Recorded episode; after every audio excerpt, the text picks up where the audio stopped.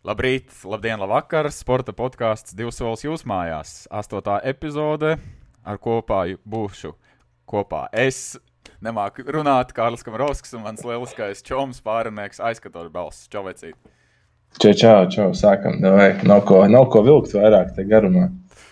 Šoreiz, kā solīts iepriekšējā podkāstā, vairāk pievērsīsimies NHL hokejam. Ir sākusies NHL sezona, tā jau ir rīta jau pilnā sparā. Uh, Bet to tad raidījumā vairāk tādā otrā pusē detalizētāk iedziļināsimies par, par divīzijām, par mūsu kaut kādiem tumšajiem zirdziņiem, par to, kas būs rezultatīvākais hokejs, čempionība un tā tālāk. Bet to tad, to tad vēlāk. Es ceru, ka tu esi gatavs, ka tu esi sagatavojies daudz un dikti par hokeju runāt šodien.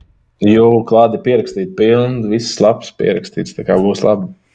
Bet uh, kamēr mēs vēl uh, līdz uh, ripas dzenāšanai pa ledu nokļūstam, sāksim varbūt ar kājbumbu. Arī tur pietiekami daudz, kas pa šīm divām nedēļām, nu, kopš iepriekšējās epizodes, ir noticis. Un, uh, Sāksim ar to, ka daudziem treneriem ir vai nu krēsli sa sašūpojušies, vai kāds ir atvadījies no sava amata. Tā tad Ule Gunārs Solšērs, uh, Manchester United sāga, ka Kristiānu Ronaldu glāb viņa darbu uh, Uh, Santošs ir atlaists no Tottenham Hotspur un Antonio Conte ir vietā. Tāpat uh, Kūmans atlaists no Barcelonas un šodien ziņas, ka Čavī kluba leģenda pārņems grožus. Nu, ko, ko, ko tu vari teikt par šīm rotācijām? Tas tā, tā, tā normāli, ka tagad ir novembris un redz, kādiem klubiem, lielākiem klubiem nav varbūt tik veiksmīgi iesākušās tās sezonas, un viss viņiem pasaka paldies un uz redzēšanos. Tu jau gan atbildēji uz to jautājumu, jo es tieši gribēju teikt, ka īstenībā šis periods, oktobra beigas, novembris sākums, nu, protams, viņš tāds divu mēnešu stieptāks variants bieži vien ir. Šis ir tas top laiks, kad sāk mainīt trenerus. Tīpaši KHL jau sākās, jo visi zina, ka uz oktobra beigām kritīs pirmie amati. Un, un, un, un tāpat arī futbolā šis laiks, ir, protams, ne visas līgas sākās vienā laikā, bet, bet nu, tas ir tas, tas, ir kaut kāds tur viena trešdaļa varbūt ir aizvadīta spēļu, nezinu, futbolā, bet uh, nav jau noteikti tik daudz. Bet, nu, tad jau zinām, sāk pirmās rotācijas, lielie klubi parasti jau veikt mazāk. Es domāju, nā, nu, tur jau pa, pa, pieciešās pagaidi, bet uh, varbūt tur kaut ko komentēt. Nu. Piemēram, kāpēc, kā, kāpēc konkrēti uzvārdi ir nomainīti un kāpēc konkrēti uzvārdi ir ienākuši viņu vietā? Nu, Tottenhamai tur tā situācija bija tāda, ka principā uh, Santošs bija kaut kāds nu, piektā, sestā izvēle viņu, viņu blociņā. Jo kluba vadība vasarā aktīvi meklēja trenerus un tika piedāvāta vairākiem augstas klases uh, treneriem šie amati, bet viņi atteicās. Un, uh, viņš pirms tam Santošs bija iepriekš vadījis uh, Wolverhamptons Wanderers, kam diezgan labi, ja tautas valodā Wolves komandu. Uh, diezgan labi viņiem izdevās tādas vairākas izlaušanās sezonas ar varbūt netik spēcīgu sastāvu, nu tad tomēr beigās viņu pierunāja. It kā viņš arī sāka ļoti labi Tottenhamā, bet tad tas sniegums ļoti, ļoti nokritās. Harijs Keins. Pēdējās, cik tur tās spēlēs, ja nemaldos, viņam viena tikai gūta vārti, pilnībā pazaudēta komanda, arī komandai, ja nemaldos, vismazāk arī noskrietie kilometri visā Premjerlīgā. Tas nozīmē, ka ļoti tāds statisks futbols, un nu, tur bija jāmaina kaut kas bez variantiem. Bet es gribu teikt, ka uh, neviens negribēja trenēt. Tas nozīmē, ka uz, uz Tottenham neviens neraujās. Ja? Nu, jā, būsim godīgi, tāpēc ka uh, tas sastāvs ir tāds, kāds ir. Principā tur būtu diezgan daudz jāveic tīrīšana, lai gan viņiem ir jau daļa sastāvā atjaunots, un tāpat ir labi uzvārdi. Kopumā man liekas, ka top 6 viņiem nebūtu. Tas ir bezmaz vai grēks viņiem tur būtu ārpusē kaut kādos, nezinu, tabulas vidusdaļā, kur viņš šobrīd atrodas. Tā kā, nu, nezinu, man liekas, ka pārsteigums, godīgi sakot, ir, ka Antonio Conte ir tomēr parakstīs līgumu un būs treneris Tottenhamā. Ņemot vērā, ka tur, kur viņš visur ir bijis, tur viņš ir izcīnījis čempionu titulu. Tas bija ar Turīnas Juventus, tas bija ar Londonas Chelsea un tas bija ar Milāns Inter. Nu, Bet vai izdosies sasmelt to izlietu ūdeni šajā sezonā vēl? Es te klausoties vēl daudz YouTube, tādus Chelsea ap, apskatniekus, nu, tas ir bijušais treneris, un viņi tagad spriež, nu, kā nu, tas tagad būs. Kad bez mazliet vieniem no niknākajiem Londonas uh, pretiniekiem šis treneris ir pievienojies. Nu, godīgi sakot, es Tottenham komandu neuzskatu par baigo konkurentu Chelsea komandai. Ņemot vērā, ka Chelsea komanda ir pagājušā gada Champions League uzvarētāja, arī šobrīd Premjerlīgā viņa pārliecinoši pirmajā vietā. Nu, es nezinu, man liekas, ka lai cik tu būtu labs treneris, tad tomēr ir jābūt uh, materiālam, ar ko strādāt. Un, ja tev nav tie labie spēlētāji, nu, tu vari izstiepties un sarauties. Nu, tu neko neizdarīsi. Nu, tā, tā tas ir. Man liekas, kad uh, varbūt otrādi, kad uh, slikts treneris ir pazaudējis labu komandu, bet, uh, bet uh, augsts klases treneris nevar izaugt uh, nu, tādu šaku komandu. Man liekas, ka tā, tādā virzienā tas nestrādā tik ļoti kā, nu, kā otrādi. Un tad vēl, nu, ok, Ulle no Manchester United vēl nav atlaists, bet nu, tur arī, man liekas, pēdējiem diegiem viņš tur turās. Uh, ja tur nav Kristiāna Ronaldu, kas pēdējās spēlēs tur um, sit uzvārds vārds, jā, vai vēl kā zausīm, kā Twitterī mēs te esam redzējuši, tur joki viens pēc otra birst, nu tad es domāju, ka arī viņam būtu jākrāmē savu čemodānu. Bet uh, nu, arī Twitterī par to pašu runā, ka nav tā, ka viss tas ir pa daudz, pa sarežģīti. To pašu Ronaldo žestu arī ir bieži vien redzēt, ka viss tur tā ir samudrīts, ka tur beigās saprast paši neko nevar. Nu, man tas lielākās pārdomas ir neizpratne par to, ka Manchester United viņiem ir ļoti, ļoti labs sastāvs. Nu, principā, nu, viņiem ir jābūt top 3 komandai, nu, tur vispār neapšaubām. Nu, viņiem ir principā arī jācīnās par titulu, bet nu, tas, tas sniegums nu, stipri atpaliek no tā, ko visi cer sagaidīt no šīs komandas. Es arī negribētu teikt, ka Ulu ir slikts treneris. Ok, viņam varbūt nav tik liela pieredze, bet kaut ko acīm redzot, viņš līdz galam nevar. Viņš nevar vai nu savākt komandu, vai nevar samotivēt. Nu, kaut kādas problēmas ir. Un es domāju, ka es tev pārtraucu, bet es jau gribēju jautāt, kā tev šķiet, vai viņš noturēsies līdz sezonas beigām. Manchester. Es domāju, tādā garā turpinot, viņš, nu, tas ir tikai laika jautājums, ja nemainīs kaut ko kardināli. Jo tiešām, nu, kā tāda sastāvā var tā spēlēt, nu, kad tiešām pāris un Aldo gala nebūtu, tad vispār būtu drausmīgs sezonas sākums. Vistrakākais jau likās, visapkaunojošākais, ka 0-5 viņi zaudēja Liverpoolai, un Sers Aleks Fergusons bez mazliet tribīnē, tur bija bildes arī Twitterī, bez mazliet sāk raudāt. Nu. Nu, viņš paspēja šodien beļģu tam klubam arī Champions League zaudēt, ja nemaldos, ne? Tam young, young Boys. Jā, jā, jā, jā, jā. tas ir Šveices klubs. Ah, vēl labāk. Bērns, Young Boys. Jā. Tas bija jau, tas bija, nu, jau pirmajā kādā laikā atpakaļ. Jā, tas bija bet, bet, laikā atpakaļ, jā. Bet, nu, nu, bet tāpat arī... jau tad jau bija zināms trauksmes. Nu, tieši tā. Un uh, taču arī 2-2 tagad pēdējā Champions League kārtā pret Atlantu. Tā kā, nu, Nu, jā, es nezinu arī, kā tas viss beigsies, bet nu, katrā ziņā atkal kārtējā drāma, kurai sekot līdzi. Bet uh, pārējot no Anglijas futbola uz uh, Spāniju, nu, tā tad visvarenā Barcelona. Kūmans, paldies uz redzēšanos, un kluba leģenda Čavī, kā ziņo Fabricio. Bet tu domā, tur bija. Tur, tur tieši ir jautājums par to, ko mēs jau paspējam pieskarties. Tu domā, tur ir trenerī vaina Barcelonā? Man tā neliekas. Nu, es pirms mūsu sarunas apskatījos, kas tad Barcelonas komandai ir labs sastāvā. Nu, it kā labi vārdi, uzvārdi, it kā pieredzējuši un labi spēlētāji, bet tikai atsevišķās kaut kādās pozīcijās. Man liekas, ka kopumā jau Spānijas čempionāts ir spēcīgs, un arī tie rezultāti, šokie rezultāti, kādi viņiem ir League, tas jau parāda, ka tomēr tā komanda nav konkrēti spējīga. Tāpat arī traumas. Tikko, tikko tu man pats sūtīji, kad uh, Dembelē ir. Uh, Atkal notraumējies, jā. Viņš tikko, tikko atgriezies no traumas. Iepriekš mums to traumu gadījumā Eiropas čempionu nedabūja tieši. Neatminos, bet viņš izlaiž, viņš... viņš izlaiž daudz mēnešus. Man liekas, kaut kādas četras mēnešus, ja nemaldos. Viņš izlaiž, un tagad viņš ir atpakaļ uz vienu spēli, un viņš atkal ir satraumējies. Es vienkārši zinu, ka Francijas sastāvā viņš, jā, viņš tika uz to vienu spēli, un, un jau lai viņi pat nomainīja. Viņi, man liekas, pat nomainīja, uzlaida otrajā puslaikā, un jau viņi beigās nomainīja, atkal bija satraumēji. Tad tas pats stāsts, pirmā spēle, un atkal trauma, un atpakaļ. Nu, tas ir, es nezinu, kur, kur tad vaina ir viņā, vai dakteros, Barcelonas, vai, vai, vai. Tas beigas īpatnēji sāk palikt. Nu, tur ne, es jau tev teicu, ka es nesaprotu, kas notiek ar Edenu Zāru un Usmanu Dembelē. Nu, kā var tik daudz traumēties. Nu, Tāds ejot te pa ielu, pagriezt potīt, viss tev pusgads jāizlaiž. Nu, tas jau vairs nav nopietni. Bet tas zārs Chelsea laikā arī bija tik traumatisks. Nu, nē, tur jau tā lieta. Viņam viss šī traumu epopeja sākās tikai ar to brīdi, kad viņš pievienojās Madrides Reāli. Ok, tagad viņš ir vesels, it kā teorētiski, bet Ančelotī bija teicis, ka, nu, sorry, Edenam priekšā ir citi futbolisti tajā izvēles kārtībā. Nu, viņš šobrīd viņu neizvēlās, viņa spēlē. Nu, nu jā, tur jau tas stāsts, ka, nu, nu pilnībā noliekšu, pilnībā pa ne pa tematu, bet es par to es pa dāvu Bartānu baidos šobrīd. Viņš ir drausmīgi iesācis sezonu. Un, un, un viss tagad vēl traumas, par domāju, viņš pie minūtēm viņam būs jāsāk cīnīties, lai vispār tiktu pie viņiem normāli. Bet, uh, bet labi, tas ir pilnīgi nu, nu, cits tas, kaut tas, ko, ir, jā. tas ir cita jautājuma, tas basketbols, bet vēl paturpinot, nu tagad uh, tad, tad ziņo, ka Čāvī pārņems, viņš tad uh, Saudārābijā vadīja klubu, nu, viņš būs glābējs? Man liekas, ka nē. Jā, nu es domāju, ka nē.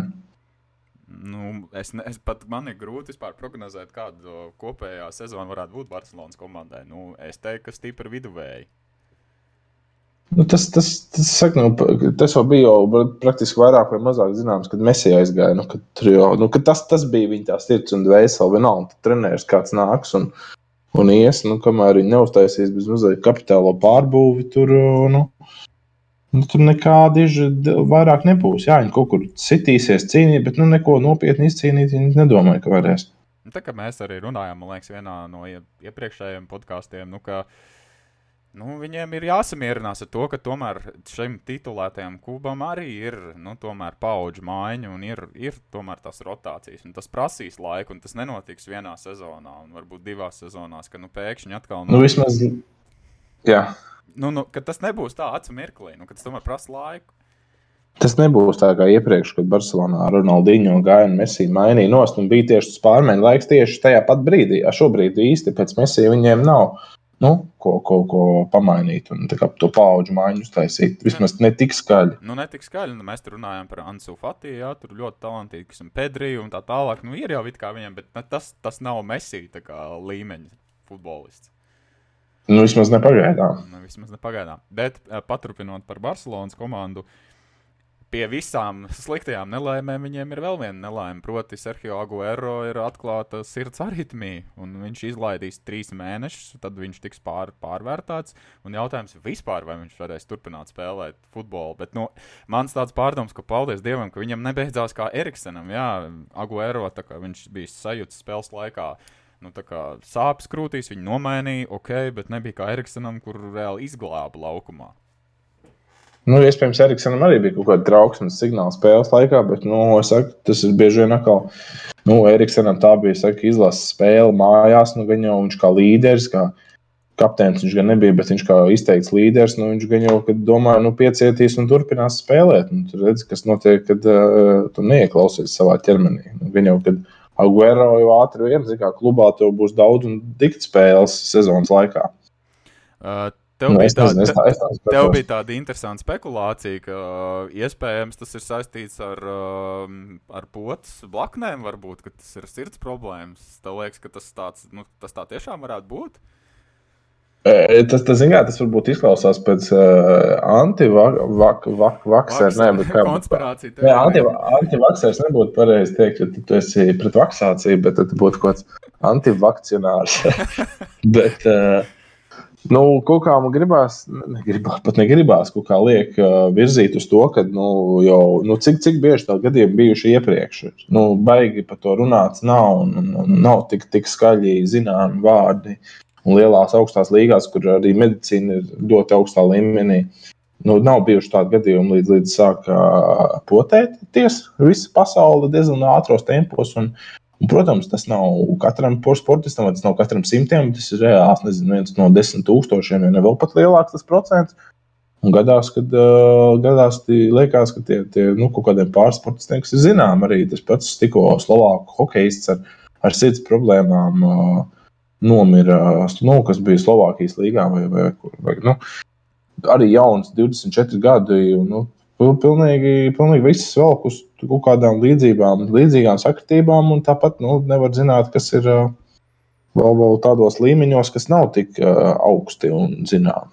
Nu, jā, jo pareizi man liekas, ka tu iezīmē to, ka top līgās jau ir būsim godīgi, tur ir pasaules labākā medicīna, tur ir pasaules labākā apatūra. Nu, tur, nu, kā futbols, piemēram, kā tāds, tur jau vien ir vislielākās naudas apgrozās. Līdz ar to nu, arī tās treniņu, jā, tie kompleksi un viss tā rocība, nu, viņiem ir vislabākais, manuprāt. Nu, tā kā pareizi saka, nu, kad nevajadzētu tā būt, ka viņi nezina par šīm problēmām vai nezinātu. Nu, acīm redzot, tas ir kaut kad pēdējās, pēdējos kaut kādos laikos ir noticis. Nu. Un tas tas pats stāsts, kad par, par žoltoku, nu, runājot par attīstītu medicīnu, to, tas jau sen nav zināms noslēpums, kad, ja toreiz būtu bijis viņš spēlējis NHL un tāda situācija būtu notikusi, jā, viņš varbūt, varbūt nu, būtu kā Eriksenam, viņš varbūt nebūtu vēl turpinājis spēlēt vai pēc kāda laika, vai, vai, nu, bet viņš būtu dzīvs, viņš būtu izglābts, bet nu, toreiz tas bija lokauta laiks, Rīga 2000. Un, Un, un, un, un, nu, tur viss bija slikti jau tajā brīdī, kad vienkārši tāds bija tas, tas nu, kā Latvijas virslīga bija tā kā amatieru līga šobrīd. Nu, kad amatieru līgās ir jāmedīķi, bet tur, man liekas, šoreiz bija ļoti švakar ar to un vienkārši nepaspēja viņu izglābt. Nē, nu labi, nu cerēsim, ka Sergio Aguero, nu, ka viņ, viņam pēc tam trīs mēnešiem pārskatīs ārstu veiks pārbaudas un ka viņš varēs turpināt spēlēt. Jo šobrīd par Kristiānu Eriksenu, cik es esmu arī meklējis informāciju, vēl ir diezgan daudz tāda, tādas neskaidrības plīvurs. Vēl nav zināms, jo cik es saprotu, tad Itālijas A sērijā viņš nedrīkst spēlēt, jo ar to ievietoto kaut kādu sirds, to kaut kādu aparātu. Jā. Citās līnijās tā ir pat tāds noteikums. Jā, Itālija laikam ir vienīgā, kur ir tik stingri noteikumi. Principā Eriksons, viņš, ja, protams, viņš pats uzņemās un saprot tos riskus, viņš var drīkstēt kādā citā līgā spēlēt. Nu, jā, Eriksons nav tik uh, salīdzinoši vecs kā Guerrero. Nu, Guerrero arī vecums karjerā ietekā pa, pamazām uz otru pusi. Mm. Nu, man liekas, Eriksons bija jaunāks daudz. Jā, jā, man liekas, ka 27 vai 28 ir Eriksonam. Guerrero mm. ir kaut kāda 33, 34. Es, protams, tagad uz dūlo saku. Ap, nu, man arī tā atmiņā ir palicis tāda paša skaitļa. Tā kā, nu, Nu, tur, ir, tur ir atšķirība, jā, kad nu, Eriksonam tieši bija karjeras kā, nu, tieši pīķa laiks, pīķa forma, kad tev ir gan pieredze, gan, gan skills, gan, gan no, no, no, no spēks iekšā. Nu, tā jau saka, futbolā no 25 līdz 28 ir nu, tās labākās. Tu esi tajā, jā, karjeras labākajā. Ne tikai gadi. futbolā, ne tikai futbolā. Man liekas, jebkuram sportistam tas ir no, no, no 26, 27 līdz 31. Tas, tas nu, pīķa laiks, kad tev jābūt nu, tad ir tas laiks, kad nu, vai nu tu esi, vai nu, vai nu vēlāk jau nu, kad, kad tad. tad.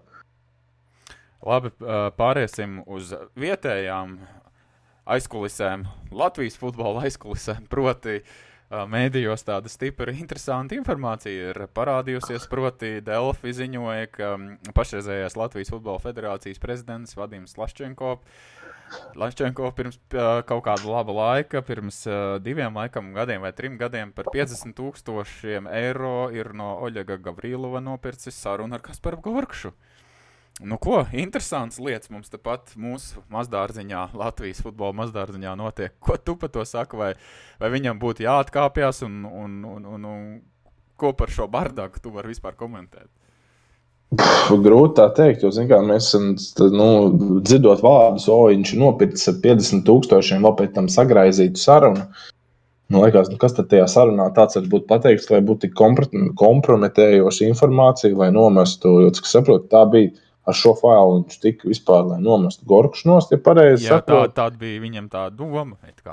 Jā, jā, nu tad vispār liekas, nu kas tad tāds var būt tur pārmīts, lai, lai uzreiz nu, būtu tādas priekšrocības. Un, nu, liek aizdomāties, par ko tad vispār ir nu, skaidrs, ka par vienmēr par ko futbolā Latvijā var būt tās eh, nesmukās runas tikai par spēļu sarunāšanu, bet Bet, nu, ja runa par uh, federācijas prezidentu un, un šīm lietām, nu, kā, kādā līmenī tad tie tās, tā, tas ir tā informācija, un par ko tad viņi runāja, tas tāds, nu, vispār nav nejausmas mūsu parastiem virstīgiem. Man liekas, 50 tūkstoši bļāviens, tur veselu māju var nopirkt, baigais cipars.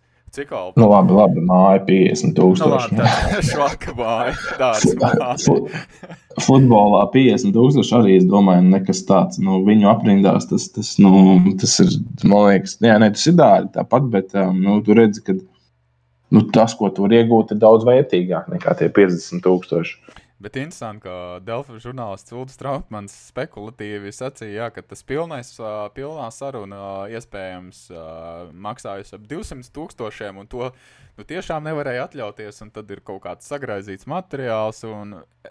Man vēl otra doma nāca prātā, pareizi man liekas, ka tu norādīji, ka pirmā lieta ir spēļu sarunāšana, bet otra, man liekas, varētu būt kaut kāda kukuļdošana nu, kaut kādā federācijas līmenī, tur, kas ir saistīts ar FIFA, UEFA kaut kādu darbu nu, kas varētu it kā būt kompromitējoši, proti, kaut kādu savu cilvēku iekārtošanu tur, kur varbūt viņiem nevajadzētu būt, vai kaut kādi iepirkumi, piemēram. Jā, bet vai tas ir atkal tik ļoti nu, nu, kukuļdoši, jā, bet nu, kam tu. Nu, Neliekas, ka tas būtu tik. Nu, varbūt arī, varbūt arī tur jau viss ir īpaši. Nu, Latvijā notiek ļoti. Ne, fut, nu, futbola ir vide, kur ir ļoti, kā var teikt, smirdīga nauda. Nu. Plus vēl ne tikai ir šis Vadima skandāls par šiem 50 tūkstošiem, par, šiem, par šos, šos, šīs sarunas nopirkšanu, bet arī federācijas ģenerālsekretārs Pukīns, kas ir pametis amatu.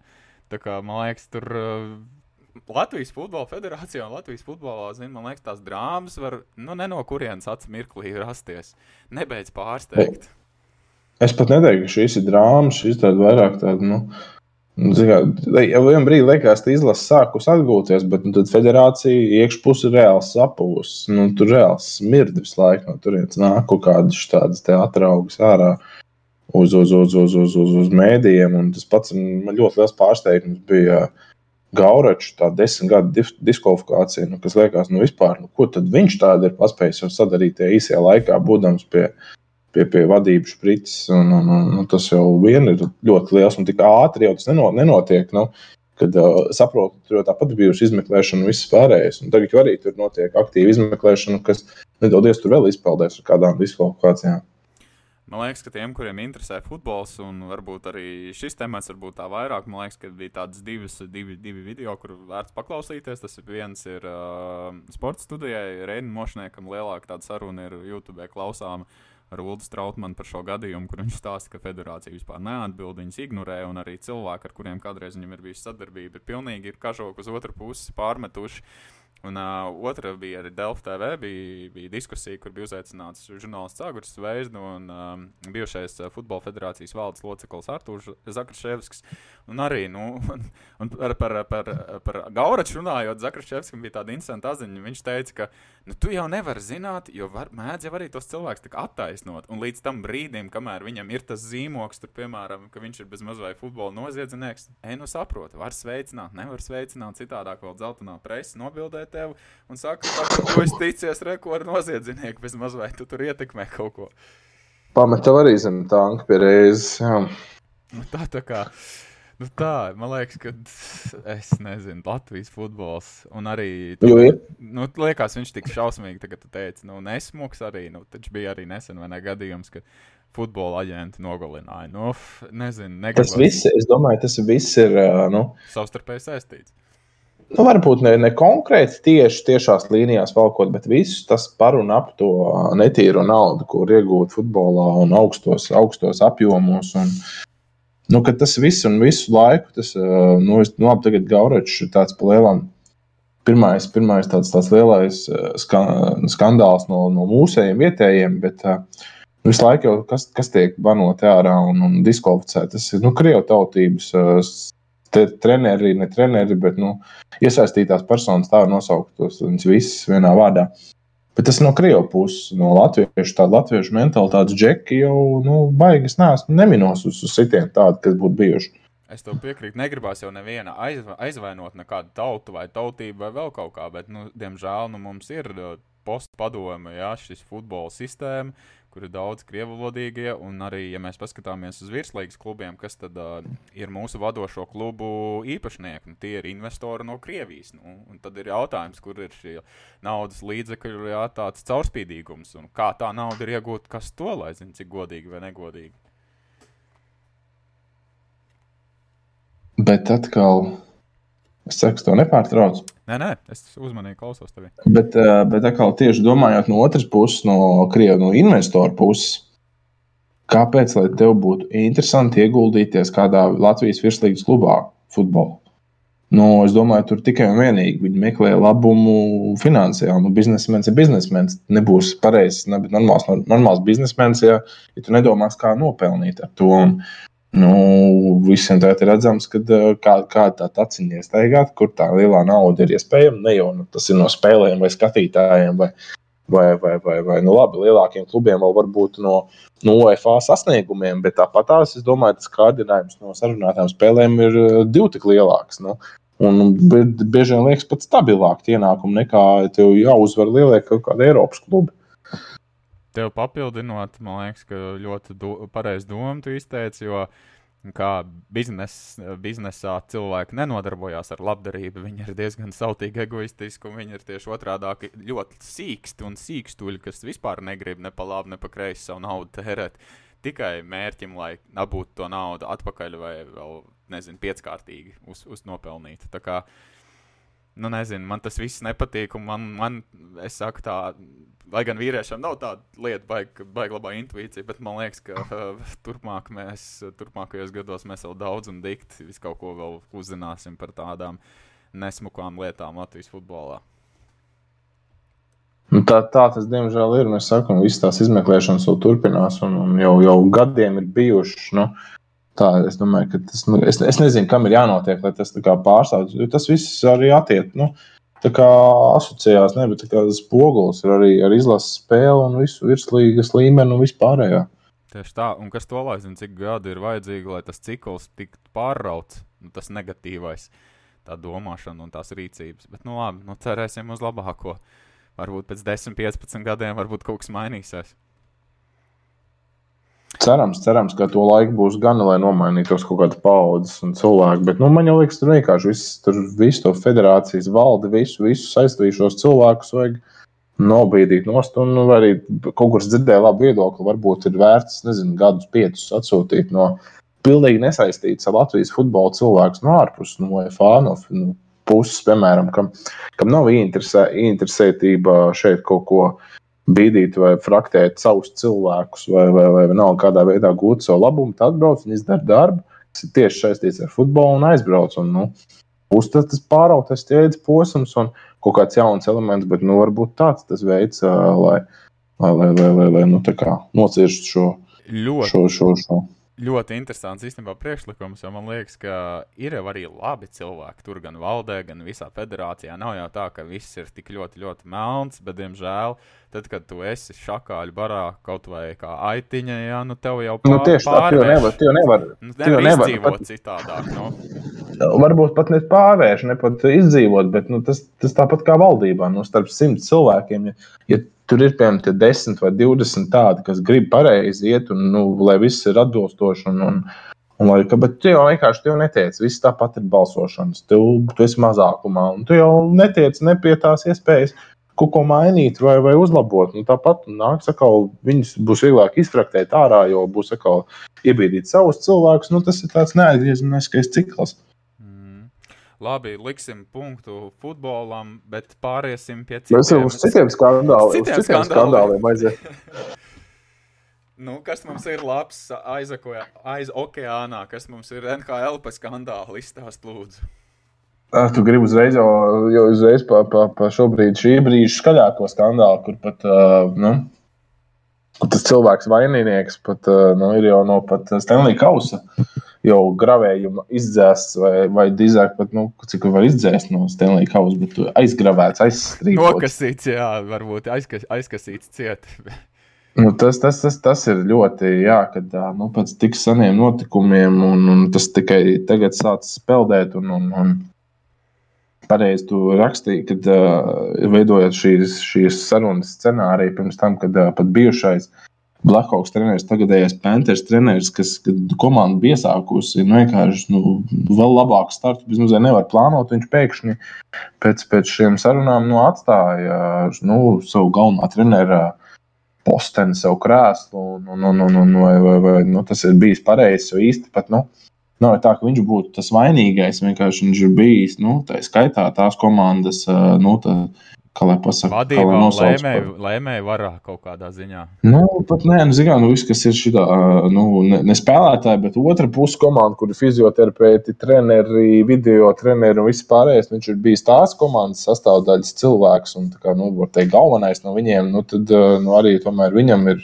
Lai, viņš arī laikam ir sapratis, ka uh, tomēr viņam ir jāuzņemās kaut kāda daļa tās rūpales, kas ir tomēr bijušas. Un, un, un, un, un, un, Nu, tie nu, nu, varbūt var īsos, īsos piecos vārdos izstāstīt tie, kas varbūt uh, nav lasījuši vai nav informēti. Proti, uh, tātad šis skandāls ir par to, ka treneris uh, pirms 11 gadiem, kad viņš vadīja Blackhawks, uh, komandā. Treneris, ne, fizio, fizi, vai, vai video treneris vai fizioterapeits. Nu, vienmēr sakot, kāds no komandas uh, bija seksuāli izmantojis spēlētāju no, no komandas, ja es pareizi saprotu. Komanda... Uzmā, cik es saprotu, uzmācies. Nav jau pat bijis laikam uh, tik traki, bet, nu, protams, neviens vēl baigi konkrēti nerunā par to gadījumu. Jā, un uh, vienmēr sakot, komanda tomēr ir nolēmusi īsti ne, rīkoties nekā un to noklusēt. Un tagad tas viss ir nācis gaismā. Tad, zinot, cik Amerikā vispār lietas ir jūtīgas, tad uh, nu, viņš atkāpās. Man jau liekas, ka pareizi izdarīja. Jo, nu, zinot, cik jūtīgi Amerikā ir uz šīm tēmām, bet es liekas, ka pamatot jūtīgi. Nu, ka, nu, citādāk nevarētu to sabojāt reputāciju, turpināt strādāt. Tas, vai viņš ir jādzēš no Stanley kausa ārā, nu, tas man liekas, varbūt. Nē, nu, tas, tas, tas, tas vaininieks, jā, bet kāpēc es, es brīnos par to, ka, ok, ja viņš būtu joprojām Blackhawks treneris, kāpēc viņš atkāpās tagad pilnīgi citā klubā, citā pilnīgi okeāna krastā, bez mazoja. Citā konferencē, kāpēc šobrīd viņam, nu, varbūt tikai tāpēc, ka tas traucē šobrīd strādāt. Jo nu, grūti nosaukt šo Kvenvilu, ka viņš būtu nu, vainīgs. Jā, varbūt viņš nerunāja tajā brīdī, vai viņi nesodīja to, to vaininieku. Bet, uh, nu, jā, es domāju, ka varbūt tikai tāpēc, lai, lai, nu, kā, lai norimst tās, tās, tas, tas skaļās runas šobrīd, lai varētu turpināt strādāt nākotnē. Man liekas, ka tur jau ir spiediens no visām pusēm. Es domāju, ka nekā citādāk. Nu, tev bez sāls noēd citādāk, ja tu ne, ne, nepamet to posteni. Bet, bet vai es tādu būtu tādu provocējošu jautājumu, vai tas, ka viņš pameta Panthers komandu, kas ir nu, tuvu izcili iesākusi sezonu, vai tas, nu, nezinu, būs iedragājis varbūt viņu iespējas cīnīties par Stanley Kausu? Nu, tas ir nu, atkal tāds filozofisks jautājums. Būtu, ja būtu, kā būtu, ja būtu, bet uh, es nezinu, kā viņi turpina tāpat jaudīgi. Viņiem jau saka, tas pats stāsts, komanda ir ļoti jaudīga un dziļa. Un, un, un Panthers šogad ir uh, galvenais, jā, kas notiks ar spēlētājiem. Bet, bet nedaudz, ko es gribēju paturpināt, jā, kad uh, par to pašu iepriekšējo skandālu, kad tas spēlēs Kails Beach, par kuru ir runa. Viņš nu, nav izdomājis lielākajai daļai, nu, vispār nemaz zināms iepriekš. Nu, Latvijas noteikti nezinu, diez vai kāds cilvēks viņu iepriekš zināja. Uh, jo, jo viņam karjeras vispār neaizgāja. Bet tas, tas bija desmitajā gadā, notika, un, un viss tā karjera viņam nīkuļoja. Daudz uzskata, ka, nu, ka tas, tas psiholoģiskais blieziens arī bija, kad viņam nu, neizdevās tālāk nu, noturēties NHL augstākajā līgā. Jā, bet uh, tāds pavisam svaigs skandāls. Es zinu, ka es tev neesmu baigi neko par šo teicis, bet šodien par to runā viss NBA. Proti, uh, Phoenix, uh, proti, ESPN ir izveidojuši tādu materiālu par uh, Phoenix Suns uh, bijušiem 70 darbiniekiem, kur ir 17 gadu laik, laikā strādājuši pie īpašnieka Roberta Sārvera, servera, nezinu īsto uzvaru precīzi pateikt, bet pie Suns īpašnieku, un viņš ir, uh, viņš ir rasistiski aizvainojis, viņš ir aizvainojis cilvēkus, bijis tāds, nu, kāda nu, autoritīvs, varbūt režīms. Vienādi sakot, ļoti, ļoti nesmugs. Tie, kas varbūt grib ar ISPN, var atrast tāds garāks materiāls. Viņš ir īpa, īpašnieks, vai ne? Viņš bija komandā. Jā, viņš, ir, viņš ir Phoenix Suns īpašnieks vēl joprojām. Un tad šie bijušie darbinieki nu, stāsta, ka tur ir briesmu, briesmu lietas. Nu, man liekas, ka redz no viena skandāla uz otru skandālu arī Amerikā. Kā, nu, kas... nu, labi, nu, man liekas, ka šī klubā, basketbola klubā, nu, tur to īpašnieku. Nu... Nu, tas vēl kaut kā, es nezinu, cik man tas viss var būt pieņemams, bet, uh, nu, zinām, nu, īpašnieks no sērijas dara, ko viņš grib ar savu komandu, ar saviem cilvēkiem. Un tīpaši, nezinu, ja viņš jau no Teksas puses, Baltādēns, uh, vecāka gājuma cilvēks, nu, kurš vispār ar lielu naudu var būt palikt ļoti īpatnējs un tāds arogants.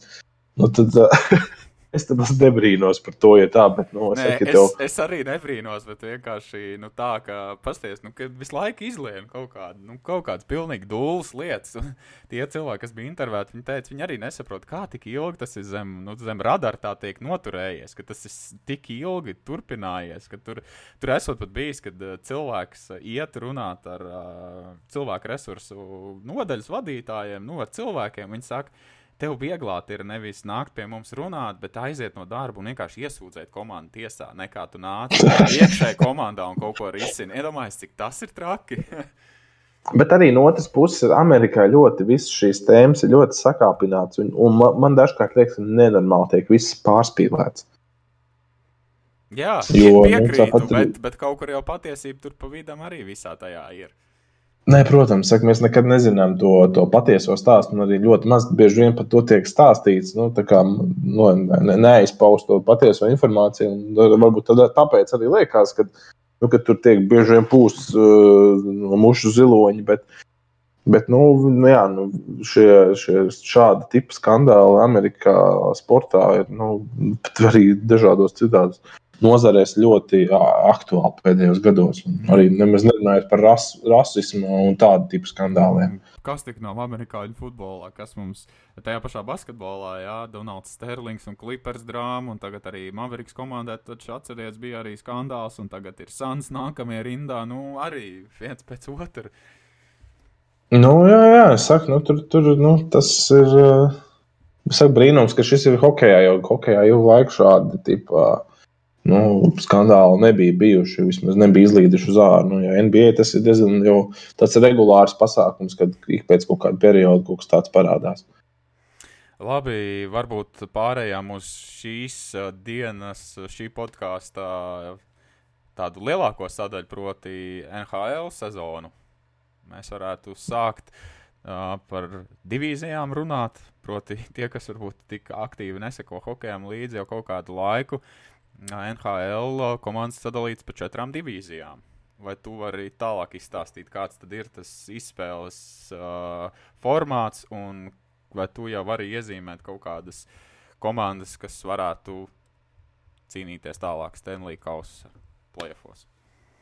Nu, ot, šo mēs varētu padiskutēt kopā par tieši kaut kādām konkrētām, un kas, bet es tīri izskaidr, izskaidrotu tas, ka divīzijas sadalījums jau ir, man liekas, bijis jau, es nezinu, cik sen, tāpat arī kā HL ir. Vienīgā atšķirība ir tāda, ka gadus atpakaļ mainījās tieši playoffs, kā iekļūst komandas, kad nevis tā kā ierasts daudz, kur um, ņem visus kopā vai sadalot pa, pa konferencēm, kad tiek astoņas labākās, bet tieši ļoti tas īpatnējais, kad no no divīzijas. Divīzijā ir astoņas komandas, kopā ir četras divīzijas. Un no astoņām komandām katrā divīzijā trīs tiek labākās. Un nākamās divas cīnās savā starpā par wildcard vai par, kā, nu, par kādu brīvo ceļzīmu, Latvijas, kur tulkot. Un, man liekas, ka tas tāds nu, bieži vien arī baigi. Nu, to salīdzināšanas faktoru baigi samazina. Man, piemēram, ļoti nepatīk tas, tas Nu, kāpēc nevarēja saglabāt to astoņu komandu no, no, no 16 komandas kopā konferencē un astoņas tiek playoffs? Nu, tas būtu arī pārskatāmāk tādā kopējā griezumā. Šobrīd tā, tā, tā, tāds mazs līgas, tas izveidojas vai mazas konferences astoņām komandām. Un, un, un, un, un ko darīt, kad pēkšņi ir pārbagātas, tāda tā kā piemēram Atlantika. Atlantijas divīzija, kuriem mēs varam iziet cauri, nu, pārbagāts ar, ar komandu resursiem. Un, un, un, un, un, nu, nu, tas, man liekas, ka nav. Tas arī daudz cilvēku līdz galam neizprot to sistēmu. Un, tā kā viss saka, playoffs sākās, tad jau viss tur bezmazliet sabirst uh, vienā katlā. Arī jau pirmajos raundos tur vēl ir savu nosacījumu. Bet, bet nu, arī ar visu to vēl kādu pozīciju, kad nu, bieži vien no, tā, no tās pozīcijas var forši izcīnīt, jo tās kā, savā starpā cīnās sākumā un automātiski viena no viņām pārvar tālāk. Nu, ir, ir īpatnēji tā izspēles kārtība pēdējos gados. Es ne, ne, precīzi nepateikšu, kad, kad tā sistēma mainījās, bet uh, nu, tas nebija tik sen.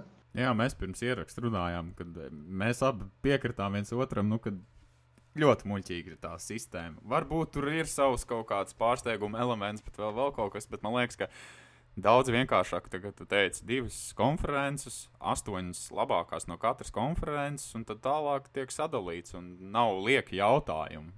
Man liekas, ka arī mēs aizmirstam, un lielo līgu īpašnieki aizmirst, ka nenormāli daudz jau ir pamatturnīrā, jeb regulārajā čempionātā ir ļoti daudz spēles, un tad vēl ir izslēgšanas spēles. Nu, cik, cik daudz, un tagad saka, ja tur vēl tas uh, wild card vēl tur spēlē un izspēlē, un NBA mums ir play-in vēl visādi, un kas tik mums netiek izdomāts. Nu, es saku, šis viss arī Lebrons Džeims runāja par to plēnu. Tas ir visdrausmīgākais, kas viņam būtu būt izdomāts. Un, un hokeja šis arī no nu, wild card pozīcijas ir. Nu, un, Nu, tas ir kaut kas šaus, šausmīgs, ja tā var to nosaukt. Un... Bet uh, varbūt varam tā, ka tā arī ejam cauri pa katru divīziju, to tās četras komandas, ko mēs redzam, kas varētu tikt playoffs. Tad varbūt ar to Atlantiku, jau Atlantijas divīziju arī sākam. Kāds tad būtu? Tas, pat, praktiski, pat praktiski trīs tās, kas iet, jā, tiek ārā. Automātiski, un tad ceturtā, nu, kur liekas, nu, tur vēl savā. Tas ir, jā, kas varētu cīnīties par to play, play, nu, kas ir vēl kāda pozīcija. Nu, sākot ar Ar Atlantijas divīziju šobrīd jau, jau, jau 10, 11, citiem mazāk spēles ir aizvadītas, un jau kaut kādas pirmās iezīmes ir parādījušas, nu, kad um, nu, pa priekšu ies Florida. Un, un, un viņa arī varētu būt tajā trīniekā. Tāpat kā, kā pagājušā gadā, kad viņi tika playoffs un ļoti, ļoti cīņa viņiem bija ar Tampu, ar pagājušā gada uzvarētājiem. Viņi bija, man liekas, izrādījuši vissīvāko to cīņu viņiem tajā playoff skrējienā. Nu, Viņi noteikti, es, es no savas puses lieku noteikti trīniekā. Kā, ko tu redzi? Nu, es kā pirmo vietu arī esmu ielicis Panthers, un, un otrā vieta ir uh, Tampa Bay. Tā kā tu saki, nu, man liekas, ka, ka nu, tie sastāvdaļi viņiem ir ļoti, ļoti jaudīgi. Nu, Tampai vispār ir sastāvs, super sastāvs. Nu, viņiem arī ir pieredze, liela pieredze. Nu, cik es vismaz sekoju hokejam, nu, viņi regulāri ir cīņā par Stanley Kausu. Nu, pēdējos gados pilnīgi noteikti. Pēdējos gados pilnīgi noteikti. Un, un, un tur runājot par komandām, kas visu laiku ir cīņā, tā ir vēl Bostonas Bruins, ko praktiski automātiski jau gribās ierakstīt. Jo playoff, kā, kā playoff komanda no vēl starp šīm trijām, četrām varbūt ir, nu, domāju, jāliek vēl Bruins. Un, un kas tur paliek pāri Seibras, nu, kas atkal jau astoņus gadus klausījos ar Zemgus Girgensona interviju. Nu, šak, nu, visu, visu karjeru astoņus gadus katru gadu tas, tas noteikums. Nu, Tas šogad varētu, tas šogad vajadzētu, un, un arī lieliski ir iesākušas. Pat viens negaidīja, ka tāda sastāvā visus viņus jau norakstīja zemāk par zemi, ka tur nekas nebūs. Bet, nu, iesāka viņi ļoti, ļoti interesanti. Un, Jā, nu, pagaidām viņi ir ceturtajā pozīcijā. Nu, nu, tas tāds, tāds zināms, nozāģē divas spēles, un tu esi jau bezmazliet pēdējais. Bet, protams, uh, nu. protams, bet es tev piekrītu, es viņus, diemžēl, neredzu plēfos, jo vienkārši pārāk stipri ir konkurence. Nu, vienkārši nav kur. Nav kur es saku, ja būtu starp astoņām komandām kopa, kopumā, uh, tad jau pat, es domāju, būtu daudz lielākas iespējas tikt arī tiem pašiem sēžamiem Sabres un varbūt tas dalījums, tas divīzijas sadalījums arī tas, kas viņiem traucē, jo tās pārējās komandas. Nu, Nu, Redvings tikai arī pēdējos gados ir norietējis. Arī viņi bija stabili playoff komandas. Zinu, 20 gadus viņi bija iespējams tikuši playoffos. Nu, tagad ir pēdējos gados viņi ļoti nīkuļo. Bet arī šogad viņi ir pārbūvējuši to komandu tā, ka viņi ir nu, nu, redzēts, viņi ir šausmīgi agresīvi tāda komanda, pret kuru neviens negrib spēlēt. Viņi ir tāda agrāk, 80. gados, bija Filadelfijas Flyers, tāda Broad Street bullies, viņiem bija iesauka. Nu, tāda, kas bez zobiem nāks un tev sitīs netīri. Un viņi vinnēs vēl beigās tās spēles. Un šobrīd nu, Red Wings ir tādā, tādā šobrīd stilā un, un pašaizliedzīgi spēlē brīžam. Nu, nu, tā ir jaudīga. Un nu, nerunājot, ka finālisti Canadiens šobrīd ir vispār tās divīzijas pēdējā vietā. Bet uh, vēl man jautājums ir par šo Atlantikas divīziju Toronto Maple Leafs man, man šī komanda vienmēr ir simpatizējusi. Viņiem ir ļoti arī jaudīgs uzbrukums šobrīd. Es gan skatījos cauri sastāvam, man varbūt vārdsargu līnija netik ļoti pārliecināja, bet uh, viņi, vai viņi ir stabili trīnieku komanda šajā divīzijā? Nu, arī to man gribētos teikt, ka jā, nu, vēl Toronto ir vispār NHL vērtīgākā komanda jau, jau diezgan daudz gadus, arī tad, kad viņi bija diezgan kad viņi nīkuļoja līgā, bet nu, šobrīd viņi ar draftu pikiem ir panākuši savu sadraftējuši jaudīgu sastāvu. Un ļoti liels algas arī maksā priekšā. Nu, viņiem, viņu spēks ir saka, uzbrukums lielais, kur ir Džons Tavares, Jasons Spēts, uh, Austins uh, Matjūs Mič, Mičels Mārners un, un, un, un, un vēl, vēl Džeki. Nu, Viljams Nīlanders. Nu, tur ir tā, ka ir tik daudz džeku, pilnīgi visu vairākumā nevar salikt un jau vietas pietrūks. Nu, toties, jā, nu, kaut kur kaut kāda līnija cieši dēļ tā, ka viņiem tādas algas, jo saka, nu, viņiem ir divi komandā spēlētāji ar 11 miljonu algām. Un tad, nu, reņķi ir budžets te, bet griezti tāpat, kuros jāielien. Un, nu, viņi regulāri tuvu tam, lai, lai būtu pāri. Un, un sarkana aizsardzība it kā pēc līgumiem skatoties ir ok, bet, nu, aizsardzība un vārdu sargu līnija ir tā, kas viņiem re reāli klibo. Bet tieši pagājušajā gadā viņi izkrita nu, no plēsoņa reāli nemetot gols. Tā var teikt. Nu, tad reāli mēs esam principā viensprāts, ka trīnieks varētu būt Panthers, Lightning, Maple Leafs, un tad ceturtie varbūt ir Bostona. Nu, kaut kāda tāda tā secība varētu būt, bet nu, es saku, tur viss var ļoti ātri norotēt un tāpat likties, ka tas būs ļoti pieņemami un, un saprotami. Bet nu, noteikti tā var skatīties un teikt, ka nu, nezinām, cik ilgi kanēdienas ar praisu nespēlēs. Jo nu, ilgāk nespēlēs, jo ātrāk viņas varēs norakstīt. Jo bez, tā, bez viņa komanda ir pilnīgi nekāda. Nu, tur ir reāls tukšums aizmugurē, liekas, brīžam. Bet, nu, kad, jā, ka viņi ir senators un, un, un, un, un tad arī nāktos Seibers norakstīt. Cerams, ka nē, bet, nu, jā, nu, kur, kur komanda izmetīs Seibers, tas ir, nu, tas ir liekas, nereāli šobrīd. Tur. Es, es tieši gribēju, gribēju teikt, ja būtu kaut kāda mini-sezona, varbūt, bet tā kā tā sezona ir pietiekami gara un daudz spēles, ir, es neticu, ka vienkārši viņi var nokost šitos lielos vaļus. Nu, vienīgais, kas Bostonē var patraucēt, viņi var ielīst kaut kādā wildcard pozīcijā. Tūka Raskas joprojām nav, un, un, un, un Tūkam Raskam ir nu, kā, teikt, šī gadsimta viena no populārākajām slimībām, kaitēm, kā viņi nosaukt, nu, kad ir uz, uz, uz problēmas ar, ar veģetīvo distoniju, ar nerviem. Un, un, un tas ir nu, ļoti daudziem sportistiem pēdējā laikā par to tiek aizvien vairāk runāts. Un, un sportisti izlaiž spēles. Kā, nu, Tā kā, nu, tas ir kas tāds - tā kā mēs pa nedēļu runājām, nu, es, es tev jautāju, vai gadījumā veģetatīvā distonija nav mūsdienu tā laikmeta lielākā tāda slimība. Ir, ir, un tur jau tāda, ka viņa līdz šim vienmēr bijusi tāda no sērijas, ah, nu, ko tu ņemies, tu jau pārspīlē, tas jau kas tur, tu jau tik čīkst no sērijas, un īsti bieži ir neieklausījās līdz šim. Un, Un tagad ir uh, atkal, bet ne jau par hokeja tēmu, jā, bet tāpat ir ļoti populārs palicis, kas ir vairāk ne par, par tieši par nervu problēmām, bet, bet tieši par, par medikamentu atkarībām un arī, ka tieši neieklausījās. Nu, jā, tas tāds skaitā ar nerviem arī ir uh, bijušie hokeisti izveidojuši tādu players tribute. Uh, arī mājaslapu, un, un viņi raksta blogu tipu rakstus, un, un dažādi, un arī kas ir aizgājuši hokeisti, un daudz raksta par viņiem kaut komandas biedri vai treneri. Vai, nu, kādas bijušas tās viņa problēmas un kāpēc viņi ļoti daudz ir tīpaši kaušļi, kas bija gadus atpakaļ pašnāvības izdarījuši, pārdozējot vai, vai, vai citādi. Nu, kur ir bijusi tā problēma un kāpēc viņi jau neieklausījās, kad viņi teica, ka jā, nu, viņi vienkārši reāli to dara kā ēd zāles, lai vienkārši viņi citādāk eksistēt nevar pēc tās karjeras bez mazliet. Traki īstenībā. Man tā ir tāda ēnas puse tam, tam agresīvajam uh, hokejam, kas bija tīpaši ar to kaušanos un galvas traumām. Tagad ir ļoti pievērsta uzmanība tieši par, par, par, par sitieniem galvā, spēku paņēmienu ziņā vai, vai vispār kautiņu. Tā nu, praktiski ir pazuduši no NHL tāda nu, izteikti katras spēles kautiņa. Man liekas, ka vispār nu, profesionālā sporta ēnas puses ir tāda, ka, kā, tad, kad tev ir tā aktīvā karjera, tu pelni miljonus, nu, ja tu esi top sportists, jā, bet tad, kad tev aktīvā karjera beidzas, tad tu esi maz vai kā dārzens, nu, ko tu vari ar to naudu izdarīt, ja tev veselība ir sačakarēta. Nē, nu labi, labi, ja tev ir tā nauda nu, tad tev vismaz ir kaut kāda iespēja operēt un, un rīkoties. Bet bieži vien ir tā, ka tu esi jau, jau karjeras laikā viņu lielāko daļu jau iztērējis. Tā kā mēs, un, liekas, vienā no podkāstiem teicu, ka vidējais NBA karjeras uh, ilgums ir uh, tikai 4 vai 5 sezonas. Tā kā nu, ļoti īss.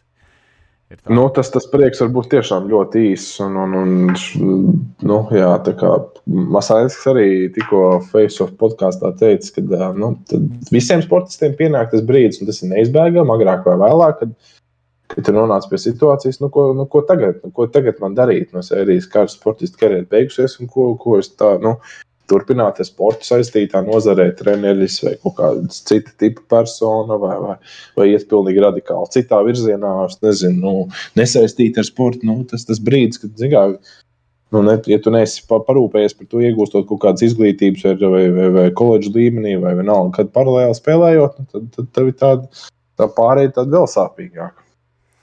Labi, tā, šī bija tāda neliela atkāpe. Varbūt atgriežoties. Tā bija tāda diezgan liela atkāpe. No, no.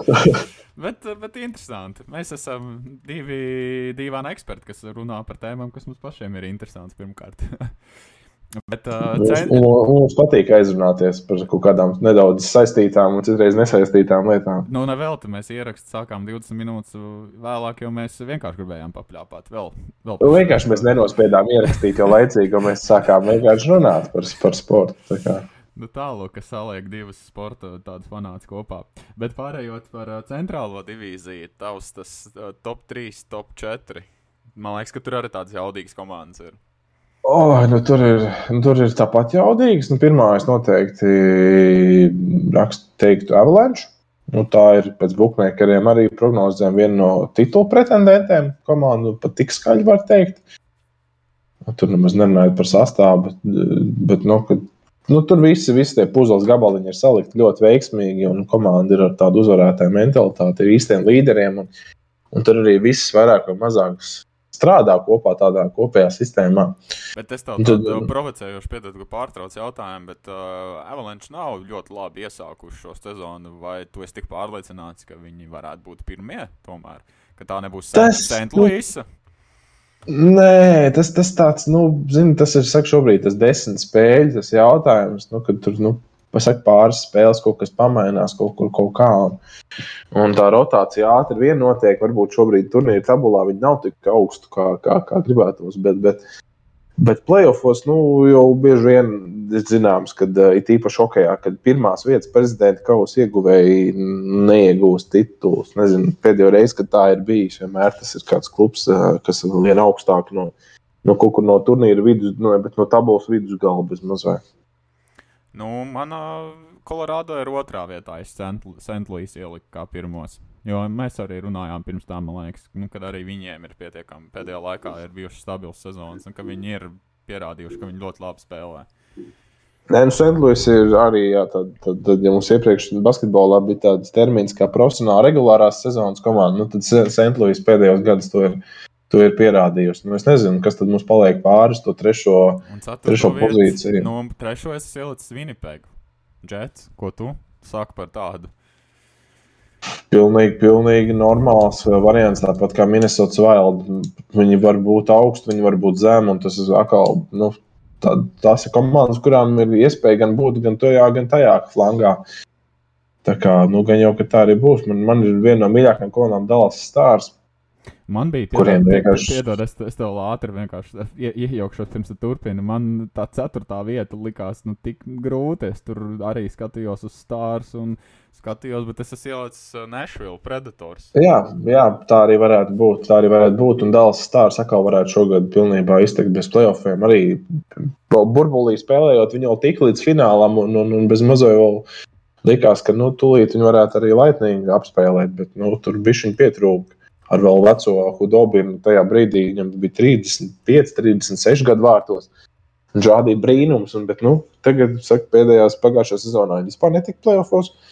Šo sezonu arī sūdīgi spēlē, bet nu, tas, tas, tas viņu vārds ar līniju. Starp citu, viņam Bens Bishops vārtos ir tieši kurš, kuru aizmainīja pirms Tampa Bay nu, veiksmes stāsts pirms tiem viņu vairākiem tituliem. Bet uh, Dallasai, man liekas, ka višķiņi ir nosēdušies. Tas uzbrukuma, tas uh, nu, tā jauda viņam. Redullovs ir, viņam Džo Pavēlskis ir, Tailers Segins vai ne. Nu, kā, nu, tādi stipri uzvārdi, un es skatos, šobrīd komandā viņiem rezultatīvākais spēlētājs ir aizsargs Miro Heiskanens. Es tieši to gribēju teikt, ka īstenībā viņu spēks nav uzbrucējos. Viņu spēks, nu, lielā, vismaz šobrīd, ko es gribētu teikt, ir uh, divos aizsargos. Džons Klingbergs un Miro Heiskanets abi gari, ļoti ātri, tehniski pareizi slidojoši aizsargi. Nu, tādu, kurus nu, skatīties vienkārši baudu, un jaunais Miro Heiskanets vispār ir. Nu, fenomenāls aizsargs. Nu, tur nu, viņš jau rādīja brīnums, līdzīgi kā, kā šobrīd New York Rangers Adams Foks, kad tikko ienāca līgā un būdams pie, ar rookie līgumu jau, jau, jau bezmazliet klauvēja pie durvīm kā, nu, kā līgas labākā aizsarga nu, balvai. Un, Bet, nu, viņi, viņi, viņi ir tie, kas tie vilcēji palielina. Es jau par Dolovu gribu, tāpēc, ka viņš bija KHL zvaigznes. Nav tāda sajūta, ka viņš tomēr bišķiņā NHL ir pazudis. Nē, es tā neteiktu. Viņš tāpat ir nu, augsts. Augst. Nu, varbūt jā, viņš nav zvaigzne, un, un, un kas viņam iepriekš NHL draudēja, tas, ka viņš bija tieši tas, tas skaļais, tas, tas, nu, tas tusētājs un, un, un emocionālais. Un, kas tā met nost un brauc uz Krieviju un, un iet, ietusēt un, un nespēlēja aizsardzībā. Bet tā viņš pēdējos gados to ir kaut kā pārdomājis, mainījis to savu, to širo, kā es nezinu, nemāku nosaukt to spēles stilu un domāšanu. Tā viņi ir, es saku, nu, playoffs viņš tur ir, ka viņi tika pirms burbuļu laikā vēl, vēl, vēl. Nu, viņš bija viens no izteiktiem līderiem. Iepriekš, zinām, man liekas, traumu patraucēja, viņš neaizvadīja pilnu sezonu. Un, protams, arī vecums vairs nav viņam tas, tas, tas, tas nu, pozitīvais. Mēs... Jā, pagājušā sezonā viņam tikai 11 spēles, nu, rēķinīgi. Nu, nu, varbūt tur arī ir tas, tas faktors, kāpēc, kāpēc pagājušajā sezonā Dallas tik slikti izskatījās. Un tad, principā, man liekas, ka mums ir stipri līdzīgi. Avalanche, St. Louis, Winnipega un tad vai nu Predators vai Stars. Ceturtā varētu būt. Jā, bet tajā pašā laikā pirms sezonas ļoti augstu lika Blackhawks, kad aizgāja Marks Andrēs Flerī uz Blackhawks. Un, un daudz teica, ka no šis būs tas viņu, tam Sečs Jones pārgāja pie viņiem no Kolumbus, viņu līderis aizsardzībā. Tad, tagadēji, tad, nu, nevis tagadējais, bet, bet iepriekšējais. Bet iedomājieties, viņiem ir viena uzvara pamatlaikā 11 spēlēs. Nu, nu, viņi, iesāk, viņi iesāk vienkārši briesmīgi un daudz runāja, nu, kas notiek, kāpēc. Viņiem Jonatans Teivs ir atgriezies, kurš arī nespēlēja vispār kopš sākās šī Covid pandēmija, problēmas. Viņš bija traumēts un viss, un aizgāja pagājušā sezonā. Viņš vispār nespēlēja, un arī ar, ar tieši ne jau ar, ar fiziskām veselības problēmām, bet tieši ar mentālām. Viņš izlaida to sezonu šogad atgriezās un, un, un likās, ka nu, viss, viss priekšnosacījumi, ka, lai tur būtu varbūt ne izcila sezona, bet nu, tāda sezona, ka viņi varētu atgriezties beidzot playoffs. Bet, nu, nu galīgi neizstāsta, nu, galīgi neizstāsta. Nu, pilnīgi nezinu, kā, kā, kā to skaidrot. Man tāds provocējošs jautājums, kad no pagrabā izrāpsies Arizonas kojot, kuriem desmit spēlēs nevienu uzvaru nav. Vienā brīdī jau likās, ka tas, tas, tas slieksnis ir sasniegts, bet kā viņi kaut kā vienu sezonu nospēlē labāk, tā, tā aiziet atkal pa pieskaru. Nu, reķi, viņi tagad ir savu stabilo gadu, pēdējo gadu aizsargu Ekmanu Larsonu, kas visu laiku visu karjeru spēlē, pie viņiem ir nu, pārdevuši, aizgājis prom un aizgājis Vankūveras Kaneks. Un, nu, viņi tādi, kas, nu, jā, viņiem tie, tie rookie no drafta ir salasīti, bet, bet nu, nekas tāds skaļš. Nu, neviens arī neviens spēlētājs pie viņiem neraujās. Nu, vispār tur tā, tas klubs, kur bez mazliet kā vienu laiku bija Edmontona, tāds nu, pēdējā pieturvieta pirms, pirms braukšanas prom no NHL bija Edmontona. Nu, ja, ja tu tur sūdīgi spēlē, tad tu lido ārā. Nu, tad šobrīd liekas, ka Arizona tāda ir. Jā, man liekas, ka tā ir tāda atkal kā te reiz, man liekas, diezgan labi pateicis, nu, tāda maza, mazs tirgus. Nu, līdz ar to ne tikai mazs tirgus, bet arī tas, ka nu, komandai sūdīgi iet, nu, viens tur baigi negrib. Arī brīvie aģenti nu, negrib baigi tur iet. Nu, tieši tā, neviens, neviens nav interesēts, jā, tur veidot kaut kādus lielākus, nu, pievienoties lielām zvaigznēm, tāpat kā Džeks Aikls tikko pārgāja uz, uz, uz, uz Vegas, nu, kur jau ikā komanda jau tā ir spēcīga. Komanda ar izteiktiem līderiem un tādu, kas ir jau garantēta. Nevis garantēta playoffs, bet nu, jau jau bezmazliet tuvu, jau bezmazliet vispār titulam kā tādam, un vēl aiziet Džeks Aikls pie viņiem, tad vispār liekas, viņi jau paņēmuši kādu daļu no akcijas Stanley Kausam. Bet par to Aiklu mājiņu daudz jau saka, ka tur vispār ir risks, un viens nezina, vai Aikls vispār atgriezīsies, jo tāda operācija vispār nav taisīta. Es Tas ir NHL tāda no taisīta. taisīt, jā, bet nu, tu tici, ka tas ir, ka tomēr Vegas ir to mājiņu vinnējusi? Es domāju, jebkuru komandu viņi iegūstot, būtu to maiņu vinējusi. Jo, jo, jo nu, man liekas, tā ir tāda. Nu, Tā ir operācija, un it īpaši tur ir runa par Amerikas ārstiem. Saku, tā nav tāda operācija, ko vispār neviens nebūtu taisījis, vai nesportistiem, bet tāda tā operācija taisīta amerikāņu futbola sportistiem. Nu, es domāju, ka tur būs nu, jā, varbūt jāņem. Tā nav trauma. operācija, ko aizsaka Čeļābinskis vietējā slimnīcā. Nu.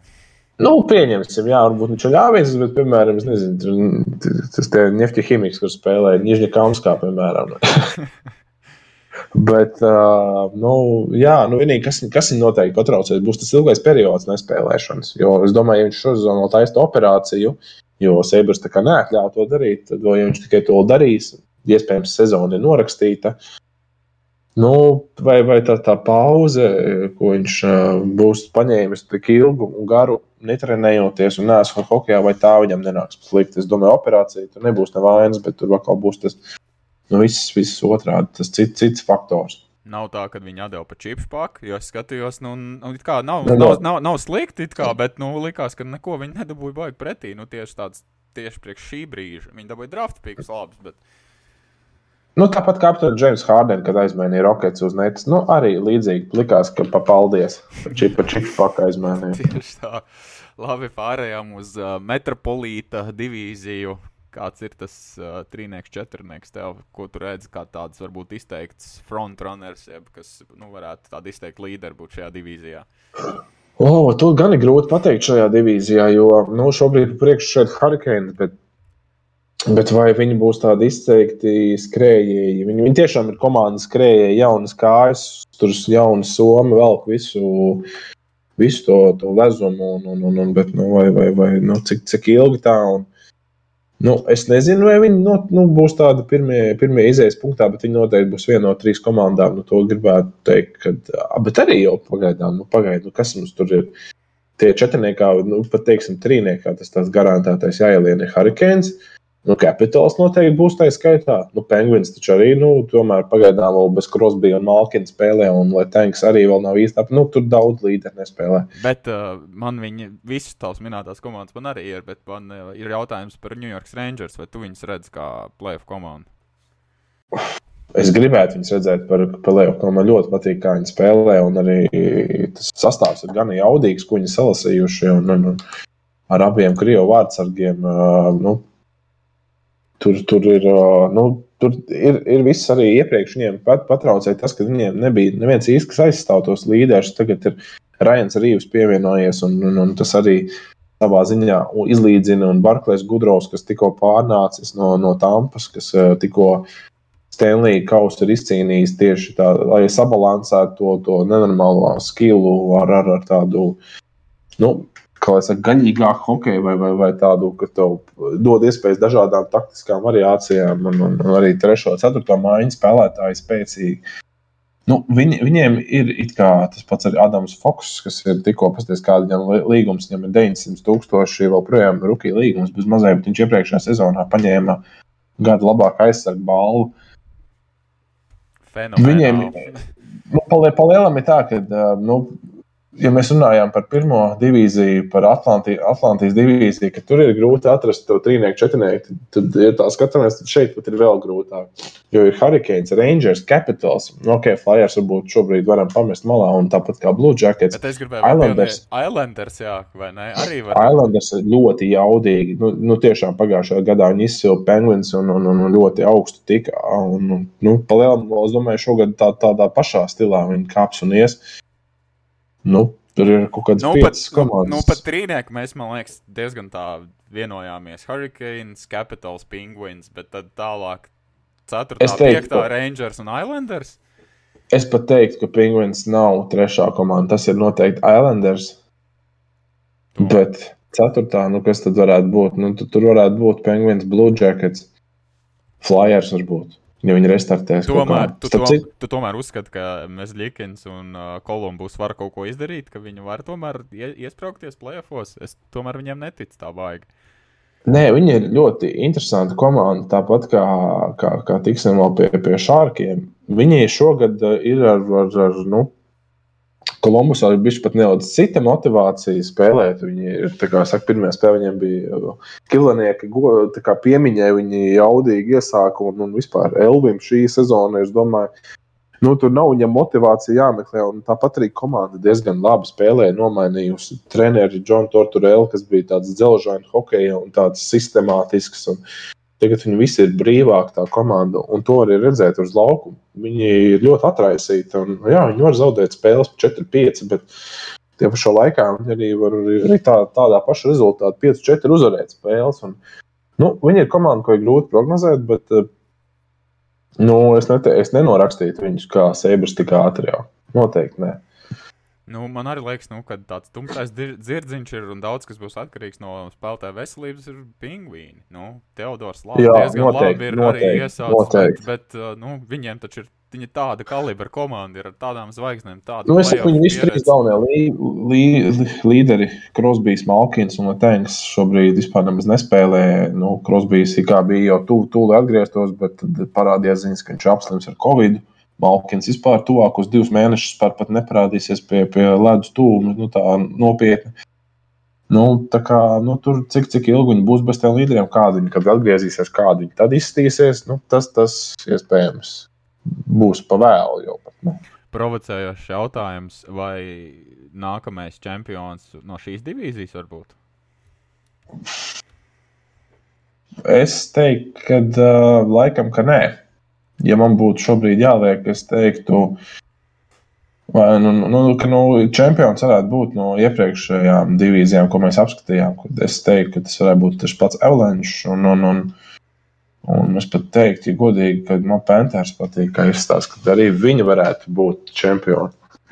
Bet tad pārējie. pārējo... Un, un, un, jā, un no Golden Knights vēl parādās, kurš es tikko, tikko ieraudzīju. Kā, nu, es nedomāju, ka no šīs divīzijas būs čempions.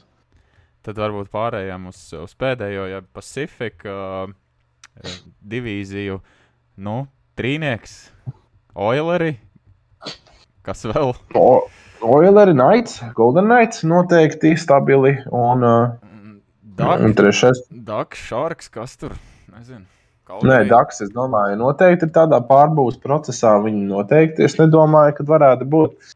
Šārks, atkal, kas man pārsteidza, kurus es arī negaidīju, ka viņi varētu būt playoff tūmā, bet viņi paši ir atzinuši, ka, ka tik pozitīva atmosfēra ģērbtuvē, kā viņiem ir šogad, uh, nu, viņiem nav, nav bijusi sen. Nu, vai tas ir saistīts ar Evangelu Keinu, kas šobrīd ir ap, nu, no viena skandāla, kā tiek vaļā, tā iepinās atkal nākamajā skandālā. Nu, varbūt ar to ir saistīts konkrēti viens personāžs var sabojāt uh, klimata ģērbtuvē. Nu, nu, grūti to teikt. Grūti to teikt, jo šobrīd viņš uz 20 spēlēm ir kā nobanots. Jā, diskvalificēts. Diskvalificēts būtu tā pareizi. Man liekas, ka pirmās divas, šajā, pirmās divas vietas būs noteikti Oileriem un Golden Knights. Nu, tas ir mans uzskats. Nu, tad tas 3-4 ir tāds vairāk neskaidrs. Nu, tā arī ir. Jā, no Šārks, nu, Kings pēdējā laikā ļoti nīkuļo Krakena. Neticu, ka viņi varētu šajā sezonā es, būt baigi augstu. Es gribēju par Krakenu vēl tādu mazu atkāpi, vienkārši piebilst, ka es esmu priecīgs, ka Siet, lai beidzot ir komanda jo viņi ļoti gribēja basketbolā dabūt komandu. Bet viņi, nu, ne, viņiem kādreiz bija Seattle super, Supersonics. Man liekas, tas bija kaut kā. Nu, tā bija laba arī komanda, kas uh, tomēr. Tas Durants tieši ienāca līgā jā, ar jā, viņiem. Ne? Jā, Reis Alens tur kādreiz spēlējis. Un, uh, nu, viņiem ir bijušas labas komandas arī vēsturē un tā. Un tur basketbols vienmēr. Viņi arī ir diezgan liela pilsēta. Ir, jā, ja tā, nu, jā, jā, nu, nu, viņiem līdz šim nu, jau kaut kāds daudz gadus, es neatceros, cik precīzi, nu, nebija profesionāla komanda augstākajās līgās. Tā kā atkal viņiem ir nu, hokejs vismaz. Nu, tad vai būs basketbols, tad, tad redzēsim. Bet man liekas, ka tā ir tāda komanda. Nu, tur pirmais gads ir tāds, nu, kad skaidrs, ka viņiem tur Rosals salasīts no citām komandām. Nezinu, ko viņi parādīs, bet nu, man liekas, ka vienkārši tāds. Pozitīvs fakts, kas iet lai kā, kā pilsētā, kā sports pilsētā, vismaz kaut kas Latvijas tāds priecīgs, kam sakot līdzi. Nu, piemēram, ir ļoti nu, labi. Šobrīd bija tāds formāts, kad visu laiku bija viena trūkstošā komanda, bet mēs tikko runājām par Arizonu.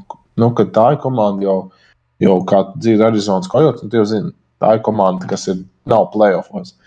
Nu, tad daudz runā par to, ka jā, arī spēļu ziņā, apmeklētības ziņā, nu, tā ir tā komanda, kur īsti negrib cilvēki iet tajā siltajā štatā uz tām hokeja spēlēm, kad, kad tā būtu komanda, uz kuru nu, pārvietot uz kādu citu pilsētu, kur vairāk grib, piemēram, ļoti daudz runā par Quebecu, eh, Kanādā, ka tur ir ļoti, nu, arī Quebecs Nordics 90. gados no, eh, nu, komanda pārcēlās uz Colorado.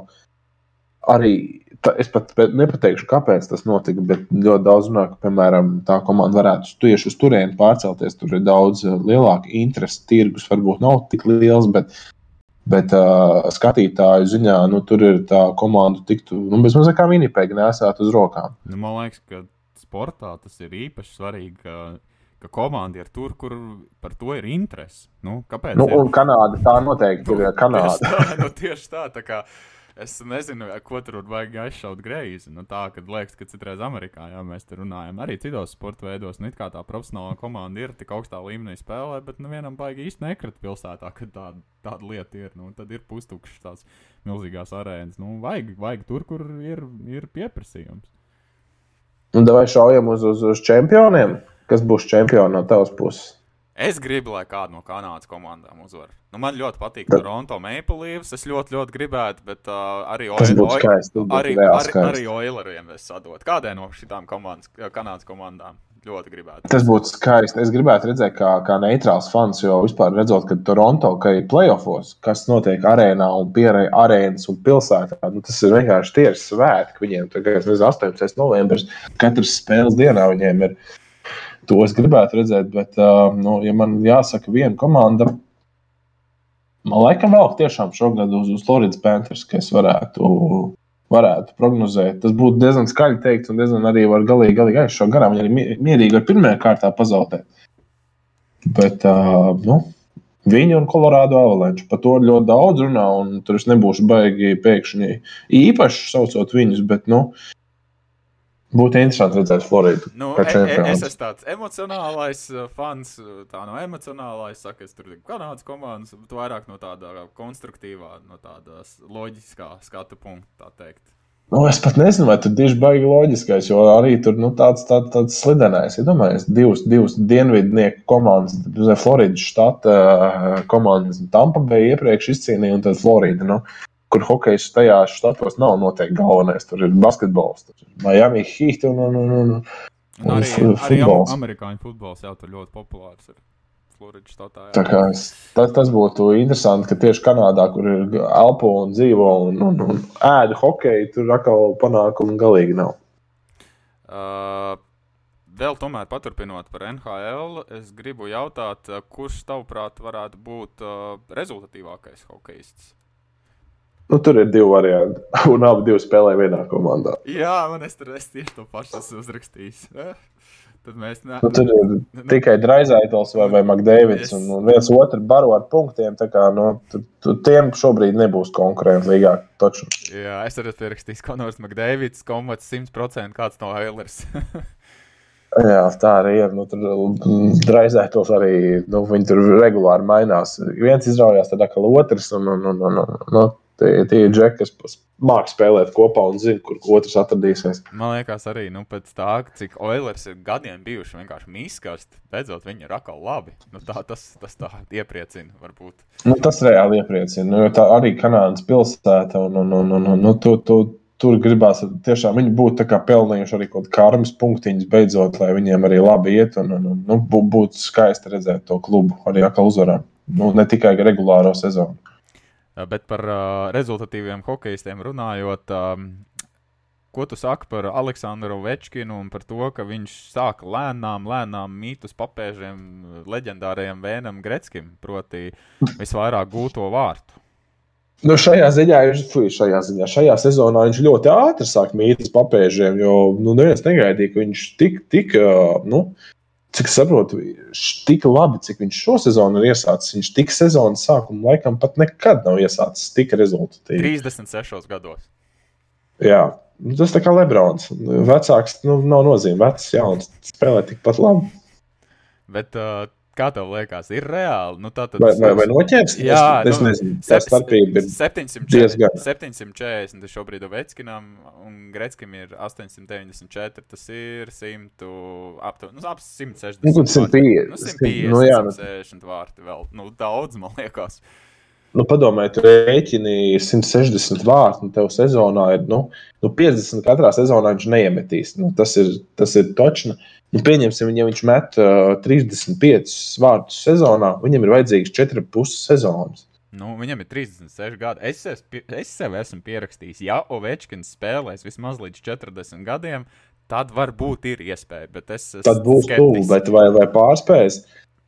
Nu, viņam ļoti iztraucēja Covid laiks. Nu, tas, tas ir, tas ir točna, bet uh, man liekas, ka um, viņš pietuvosies, bet nepārspēs. Bet tomēr ļoti daudzi hokeisti ir nu, arī tas pats Sinīs Krosbīs ir pateicis, ka viņš gribētu redzēt, lai, lai viņš atbalstītu, lai viņam izdotos pārspēt, jo tomēr, nu, Nu, tas ir rekords, ko tik tuvu nākotnē neviens nepietuvosies. Bet, zināmā mērā, man gribējās vēl piebilst, ka būsim godīgi. Man liekas, ka Ovečkina sasniegtais, ja viņš to rekordu pārsitīs, man liekas, ir nu, vērtējams augstāk, jo, manuprāt, hokejs nebija tik augstā līmenī, kad Greķis spēlēja.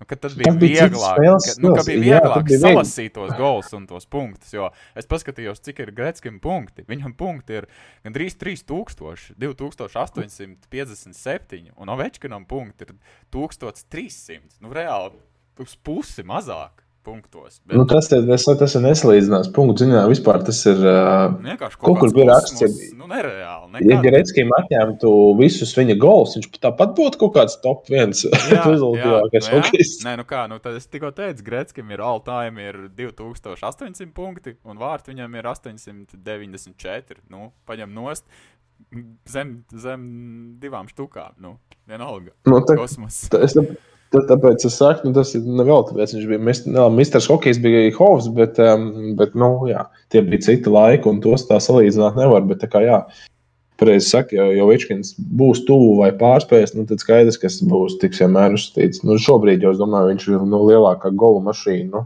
tas ir viņi, tas, tas, tas, tas nu, ar ko asociējās. Nu.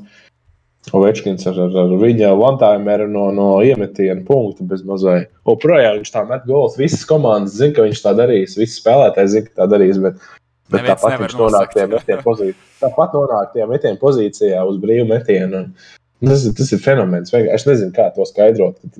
Ziemeļblāzma. Man liekas, ka viņš ka to viņš, no viņš ar tādu vienkārši nu, gaļu iet, bet tā- tāpat laikā viņam ir tik augsta meistarība un tā vārta izjūta. Es, nu, viņš ir fenomens. Nu, kaut kādā Krievijas laboratorijā ir izaudzēts. Nu, ko es varu teikt? Nu, tā varētu teikt. Jā. Tā kā Lebrons saka, ir robots, un, un ka vai Lenārds ir robots, nu, tad uh, Ovečkins arī ir palielam ir robots, kas, kas visu karjeru palielam spēlējis bez tādām nopietnām traumām. Un, un, un, nu, viņu, viņi tieši, tiešo konkurētu, viņi ienāca līgā Sidnija Krosbī, kas ir ļoti daudz dažādas traumas, jo gan smagas galvas traumas, gan visādas citas. Jau, un arī šobrīd viņš ir ārā, bet tad Ovečkins ir palielam tikai tā, nu, kaut ko apskādējis nedaudz sevi, bet, bet tā ilgstoši viņš nav bijis ārā. Kaut kaut nu, viņu arī tā arī novēlu turpināt līdz tiem 40 gadiem. Nu, jā, Būtu jau forši tā redzēt. es tieši gribētu nu, teikt, ka man liekas, ka priekš hokeja, zinot, cik hokejs ir traumatisks, 36 gados turpināt un būt vienam starp labākajiem un būt nu, leģendāram, nu, tas jau vien pats par sevi ir ārkārtīgi liels sasniegums. Nu, tas jā, saku, un šit, nu, kad liekas, kad, uh, kad viņš to tempu ir mazinājis iepriekšējā sezonā, nu, kad, nu, kad liekas, nu, jau viss ir pa vēl, viņš tieši šādi iesāk sezonā, cik pat, šitie nevar nosaukt, uh, man nav statistika priekšā, cik viņš, cik agresīvi, pozitīvi ir, ir iesācis, to pastīšos. Nu, nu, tas ir re, reāli fenomens. Viņš saka, viņš desmit spēlēs ir gūs desmit vārtus un astoņas piespēles. 18 18 punkti, punkti. 10 Reāli gandrīz 2 punktu spēlē. Nu, vienkārši anormāls cipars. Nu, tas, tas ir pilnīgi. Nu, saka, iepriekšējā sezonā viņš 42 punktus guva. Nu, tad bez mazliet vēl pāris spēles viņš jau būs tādiem punktiem tuvumā. Jau, nu. Un tas nav nekāds sēdes līmenis, tas ir augstākais hokeja līmenis, kāds pasaulē vispār ir. Un tieši tā, un visi viņu zina, un, un, un zina, kā viņš darīs un kā metīs. Mazliet, kur metīs, bet to jau mēs teicām, neviens nevar apturēt. Um, varbūt bišķiņa, es ieliku tādu interesantu punktu par olimpisko hokeju.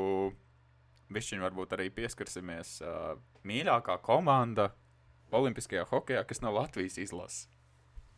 Es gribēju ar šo pavilkt tevi, jā, ko, ko tu vispār raugies, jo man ir olimpiskais hokejs jau bez mazais jau kā svētkus, tā kā mazs bērns dzimšanas dienu gaidu. Es tāpat arī olimpisko hokeju ar NHL spēlētājiem gaidu. Un, un, un es gribēju varbūt saprast, es biju domājis, varbūt pat de- padetaļizēt sīkāk, bet es domāju, to tad atstāsim tā kā, kad nāks nāks tuvāk. tuvāk jā, jā, bet nu, tā, Bet, nu, varam, varam nosaukt, es saku, man jau ir viens izteikts favorīts, kam mēs noteikti sekošam. un un kā mēs mums ir noteikti- Viens, un tas ir, tā ir Kanādas izlase. Nē, man nav mīļākā ko- komanda Kan- Kanāda. Nu, labi, tad man pārsteidz, nu, kas tad ir tā izlase. Jo tieši, ko es nosaucu šī komanda, es jūtu, ka ir beidzot uh, tā komanda, kas varētu nu, neļaut Kanādai sasniegt to saucamo trīpīti, ir trīs, trīs titulu sasniegumu, jo nu, Kanāda joprojām ir liela mašīna un neapturama mašīna. Liekas. Bet tieši Somija, man liekas, ir tā komanda, kas būs ar viskaistāko hokeju. Un, un, un, nu, nu, to, ko viņi ir sasnieguši pēdējā laikā ar, ar savu izlasi, saku, junioru izlases pēdējos gados, visu laiku nu, plūc medaļas reāli un, un spēlē finālos un zelta izcīna arī pieaugušu izlasi.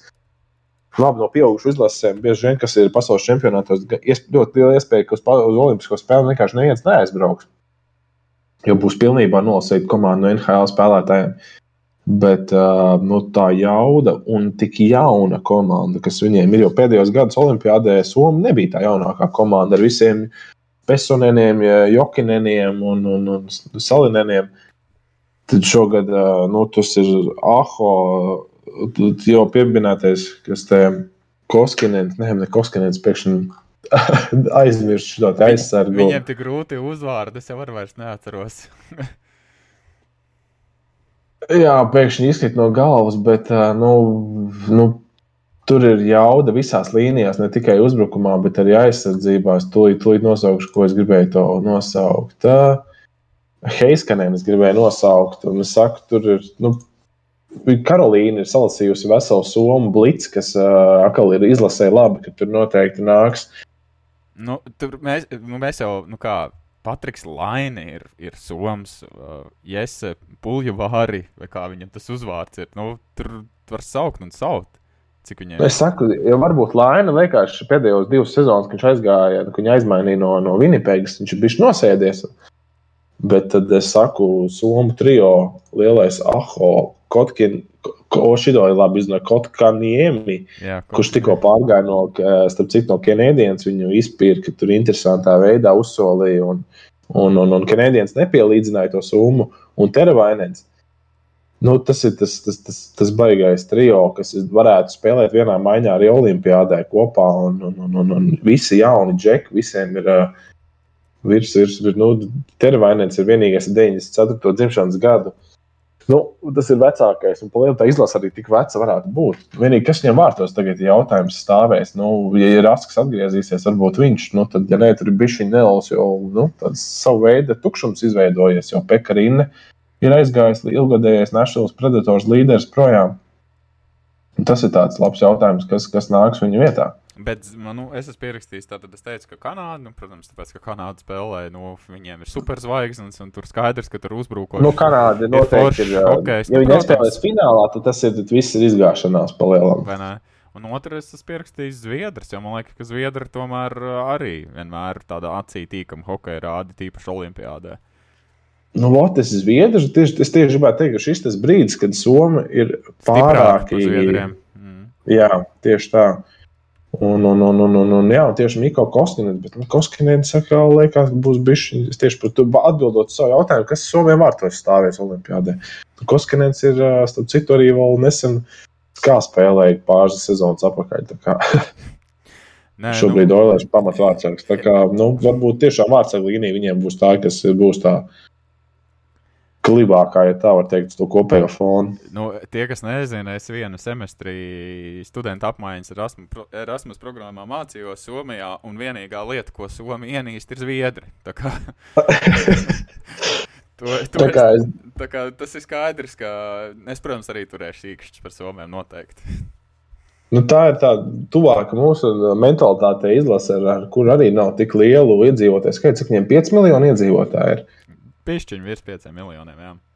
Jā, tā ar tādiem sasniegumiem hokeja nu, tas ir vienkārši apbrīnojami. Tāpēc, saka, Olimpijādē viņi būs tā, ka, ja tu redzi, kad spēlē, viņi noteikti ieteikt paskatīties, jo tur būs nu, jābūt brīnišķīgai spēlē. Vēl taču Granlunds ir uh, Soms. Nu. Nu, tur tā kā vienkārši tur var saukt un saukt tur tos zvaigznes Somijam. Nu, jā, jā, tāpēc, tāpēc par to ir tas stāsts. Un, un, un, un kā domā?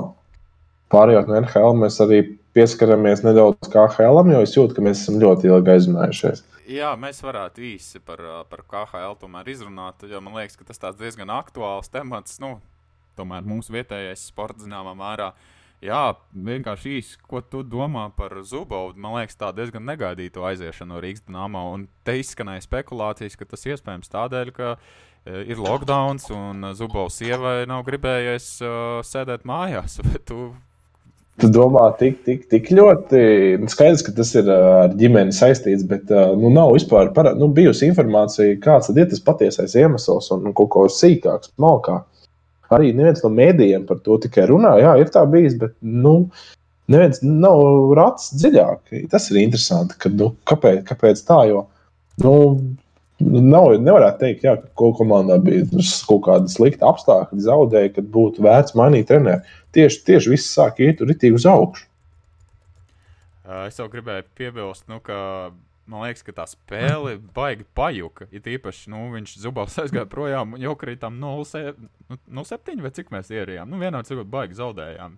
0,8 man liekas, mēs oh, pat ierijām. Vēl, nu, vēl briesmīgāk. Nu, tā... Sevis taļām 0,2 uzreiz jau pēc nākamajā dienā zaudējām. Un, nu, tur es pat brīnos, ka viņi kā, uz, kā uzvilka, un, vai ne, viņi tikai punktu paņēma kā. Un, bet uh, Dienāmo Maskavu uh, uzvilkt. Tad tas man bija reāls pārsteigums, ka tomēr ar ka iespēja kuģi babā var kaut ko arī panākt.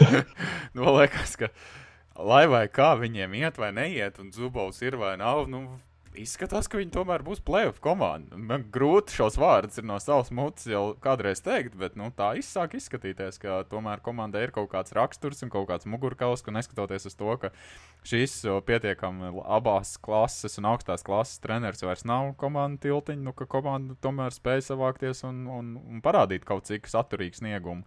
Man pārsteigums ir, piemēram, Jeļis Sējevs. Nu, viņš ir reāli top scorers komandai. Uh, Jā, bet es domāju, vai nu, tiešām aizgāja Zubovs, vai, vai viņš atkal pie, pie cita treneru būtu tik rezultātīvs, jo viņš bija tur pilnīgi tā kā cimds ar roku sadarēja. Un, un es, es ļoti gribētu, ka viņš atkal turpina tādā pašā garā, jo tad viņš noteikti nu, izsist daudz lielāku līgumu nākamajā sezonā citur. Jā, bet, kā... uh, bet, bet vai šī ir iespēja? Uh, es, mēs pirms kāda laba laika runājām, es jau iesmēju, nu, kā, nu, kad atlaiž Rīgas dīnāmo treneru, tad parasti ir vai nu kāds Latvijas vai nu Somijas treneris. Nedomā, ka varētu kaut, kaut kādu Somijas speciālistu potenciāli piesaistīt rīznieku. Tur no tā, ka vispār nekas nav. Ir tikai kaut kādas spekulācijas bijušas, bet nekas konkrēti nav. Un pat Dienāmo pateica, ka uh, jauns galvenais treneris netiek meklēts. Tas man bija reāls pārsteigums. Man likās, ka nu, šobrīd vienkārši komanda spēlēja tā plēnā bez treneru. Nu, viņiem no, ir vairāki man... treneri, kas ir treneru asistenti. Asist, šim bijuši, jā. jā. Bet vai tas, tas noteikti, nu, vienīgais, ko, ko runā, ka šogad ģērbtu diezgan spēcīgi, ka, ka beidzot latviešu džeki ir piecēlušies kājās un, un, un ir ar mugurkaulu un, un nu, ka ir diezgan spēcīgi ģērbtu ka tik spēcīgi ģērbtu jau nav bijusi no, no ozoliem laikiem. Pat, pat tik ļoti runā par tādu variantu. Nu jā, tāpēc, lai es saku, cik man dīvaini šos vārdus būtu teikt, izskatās, jā, ka Dienāmā varētu būt playoff komanda. Nu, labi, augstāk par astoto vietu diez vai es redzu. Nē, nu, šobrīd pat izstāsta tā, ka tas, tas playoffs ļoti, ļoti grūti sasniedzams. Nu, var, var. Es domāju, ka viņi varētu izsākt šo, lai, lai kā tur būtu vai nebūtu, bet nu, šogad šis varētu būt tas iespēja gads. Bet, nu, redzēsim, protams. Nu, cerams, cerams. Gribās redzēt, atkal kaut kādas eh, nu, jā, uzvarā, uzvaras patīk visiem. Zaudējumi atkal at, at, nu, samazina to, to cilvēku skaitu, kas interesējās par to. Nu, reāli playoff hoķi gribās Rīgā. Nu, vienalga, lai kas tur nāks pretī un kāda būs tie ierobežojumi vai kas. Nu, nu gribās atkal to atmosfēru, es domāju, vienkārši faniem baudīt. Jo lielākais nu, tieši, jo, tieši tā. Jo kodols jau tomēr ir komandai, tomēr lielākoties no mūsu vietējiem spēlētājiem. Un, un, un, un, saka, un, un, un Olimpiskajos gados tieši mūsu iepriekšējā mērā ir ļoti labi gājis. Nu, labi, ja, Skaitā tās olimpiādas, kurās mēs esam piedalījušies. Nē, pie Hongkonā mēs nepiedalījāmies. Jā, un tad tā nebija nekāda beigas labā sezona. jā, nu jā, bet nu, tur mums varēnā Vācijas izlases, kas spēlē beigās arī finālā, pielika kāju priekšā. Bet tā noteikti nebūtu tāda olimpiāda bijusi, nu, ko teikt, o jā, mēs tur labi nospēlējām. Nu, tā ir tāda ceka olimpiāda, par ko beigās, nu, neviens runā baigi, jo, zināt, tomēr uz kā fonu tu tur spēlēji, tur nebija paši labākie. Uh, jautājums, vai mēs šoreiz pārunājam nedēļas uzvarētāju un nedēļas neveiksminieku, vai to atstājam kādai citai reizei? Nē, nu, runājam, nu, runājam. Nu, man, man šoreiz teikšu, atklāti, es biju piemirsis par šo sadaļu, bet uh, ātri pārdomājot, uh, nu, ko mēs esam runājuši, tā kā šoreiz man nebūs tie varbūt nezināmākie uzvarētāji vai zaudētāji, bet, bet man ir savi divi pretendenti. Es domāju, ka droši tu vari sākt šoreiz ar, ar savu, ko tu gribi, uzvarētāju vai zaudētāju. Es sākšu ar, kā jau Latvijas īstenis, ar neveiksmēm, proti, nedēļas. Eh, neveiksminieces ir Latvijas sieviešu futbola izlases spēlētājs, kas pamanījās Anglijas dāmām zaudēt ar 0 pret 10. Oh. kā... Bet tas nav tāds mūsu Latvijas futbola sieviešu līmenis vispār. Nu, klubu līmenī arī tur Vai tas ir tiešām tāds tur čempioni? Nē, nu, 10-0 nav tā kā baigi tā pierast visu laiku zaudēt. Es domāju, ka mums futbols uh, ir arī pat uh, labs tāds cienīgs mačs aizvadījuši. Es zinu, ka uh, tur, piemēram, kaut kādā čempionu līgas sieviešu atlasē ir bijuši tur 11-0 zaudējumi mūsu vietējām dāmām, bet, nu, liekas, tādā izlaša līmenī kaut vai arī sieviešu futbolē, nu, 0-10 liekas tā kā drusku pa daudz. Nu, tas ir, jā, tas jau skan kā, kā, kā cik mēs toreiz Latviju Kanādu zaudējām arēnā Rīgi. 11-0. Jā, nu, tas ir, tas, tas ir aptuveni no līdzīgas sērijas, bet no futbolā desmit iesist ir daudz grūtāk nekā hokejā. Abos es domāju, ka ir grūti tik daudz vārdu iemest. iemest, iemest iesist, kā kur. Kur nu iemest, kur nu iesist? Jā, jā, jā vai ne? Nu, tad uh, tavs neveiksminieks no šodienas runātā. Ir, um, es domāju, ka tur diezgan, diezgan skaidri tās, tā mūsu tas, tas vektors norādīja uz, uz, uz, uz, arī uz futbolu, un tas ir Osmans Dembele, kurš tikko arī, kā jau minējām, ir atgriezies no viena ilgstoša savainojuma, un tieši tajā atgriešanās spēlē atkal nolicies uz, ar traumu uz, uz ilgāku periodu. Nu, tas ir, tur, ja to nenosaukt par neveiksmi vai, vai, vai nu, Jo es nu, nu, es papi, papildinot tevi, Twitterī es uh, biju kāds ļoti interesants izvilcis tādu tabuliņu, kopš viņš ir pievienojies Barcelonas komandai, ja nemaldos, 17. gadā, cik viņš ir kopā dienas izlaidis. Un es, es, protams, neskaitīju, tur, uh, cik dienas tur kopā, bet nu, tā pārskatot, nu, likās, ka viņš aptuveni ir izlaidis kaut kādas 400 pāri dienas savainojumu dēļ. Reāli vairāk nekā gadu viņš no, nav spēlējis. At... Interesanti būtu uzzināt, cik viņš vispār spēles ir aizvadījis. Tajā Bar Barcelonas sastāvā kopš pievienošanās tas noteikti nebūs liels skaits. Jā, jo, jo, jo, liekas, nu, jo viņš taču tāds supertalants bija Dortmundē, nu, kad ārprāts likās, nu, kad. Un viņš arī ļoti labi iesāka. Viņš arī ļoti labi iesāka to karjeru. Nu, Barcelonā, un tad jau tālāk mēs zinām, kas, kas bija par lietu. Nu, jā, nu, jā. Uh, nedēļas uzvarētājs, kas mums varētu būt? Ko tu mums teiksi, vai, vai es sāku? Es varu teikt, es šaušu ārā uz Ovečkinu. Tik, tik veiksmīgi, kā viņš ir iesācis sezonu, tas pat nav nedēļas uzvarētājs, tas tāds, tā teikt, tāds vairāku nedēļu dzīves uzvarētājs. uzvarētājs. tas, tas tiešām Džeks ir dzīves uzvarētājs. Tā var teikt, kā viņš ballējās starpsezonās, piemēram, ja paskatās. Liekas, viņam vispār nerūp gatavošanās, jo viņš šī, ka viņš pas, paslidos, pakačāsies un atkal būs formātā, kā nemaz neliekas.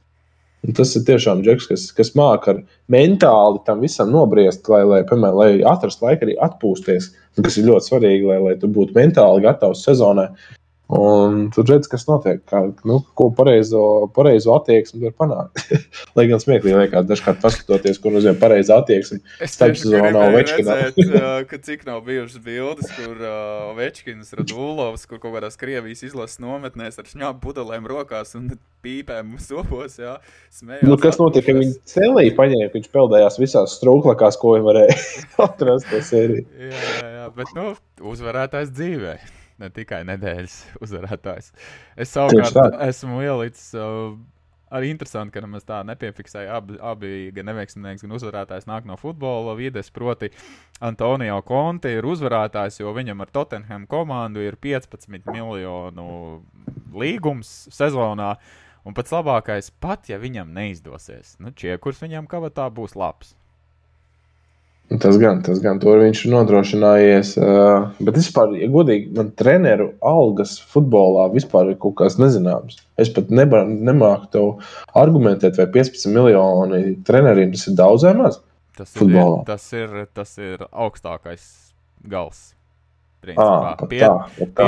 pie, es, ne, vismaz, es neesmu tā baigi arī uzmanīgi pētījis, bet man liekas, ka Guardiolam varētu būt visvairāk, kaut kāda 20 vai virs 20, bet nu, pie 10 līdz 20, nu, tas ir tāds, tie ir tikai top klases treneri, kas, kas tik daudz pelna. Nu, labi, nu, Konte ir, ir top klases treneris. Nu, tur, būsim godīgi, viņš ir, es domāju, noteikti top, top pasaulē 5. tur viņš ir savus miljonus nopelnījis. Jā. Mm. Bet, nu, vēl jau ir brīvs mums Zinedins Zedans. tā kā Varbūt uh, mēs te sākumā runājam par Uli. Varbūt, kas zina, Zidans varbūt Manchester komandu paņem sarkanos vēlams. Nu, ne, nezinu, tā Ļoti iespējams, apvienojās atkal ar Ronaldo. Jā, tā ir tāda spekulācija, protams, bet nu, kas to lai zina? jā. Es to nezinu. Nu, man liekas, esam šodien ļoti gari izpļāpājušies. un Gari, produktīvi, un uh, es domāju, ka, zini, tu saki, ka varbūt gari, bet man liekas, ka mājasēdes laikā tas ir labi ar nelielām, nelielām rīmēm, ka ir ko klausīties un par sportu. Tieši tā, tieši tā. Tā kā vēlreiz uh, gribu pateikt ka katram, ikvienam, paldies, kas klausās, kas noklausās, kas arī kaut kāds ierosinājums uh, dod par tēmām, ko vajadzētu pārunāt. Uh, droši sociālos tīklos uh, varat uzmeklēt mani un kaut ko ieteikt. Uh, vienmēr esam gatavi priekšlikumiem uh, un ierosinājumiem. Tā kā paldies visiem, kas klausās. Nu, šajā dīvainā laikā būsim veseli un veselīgi. Mēģināsim kaut ko kustēties, ne tikai čipšu sēdot, skatīties sportu. Tā kā paldies, ka klausījāties, un tad jau tiekamies atkal nākamajās epizodēs. Nu, tad paldies, čau! Tieši tā. Jā, čau, tā visiem! Čau, čau.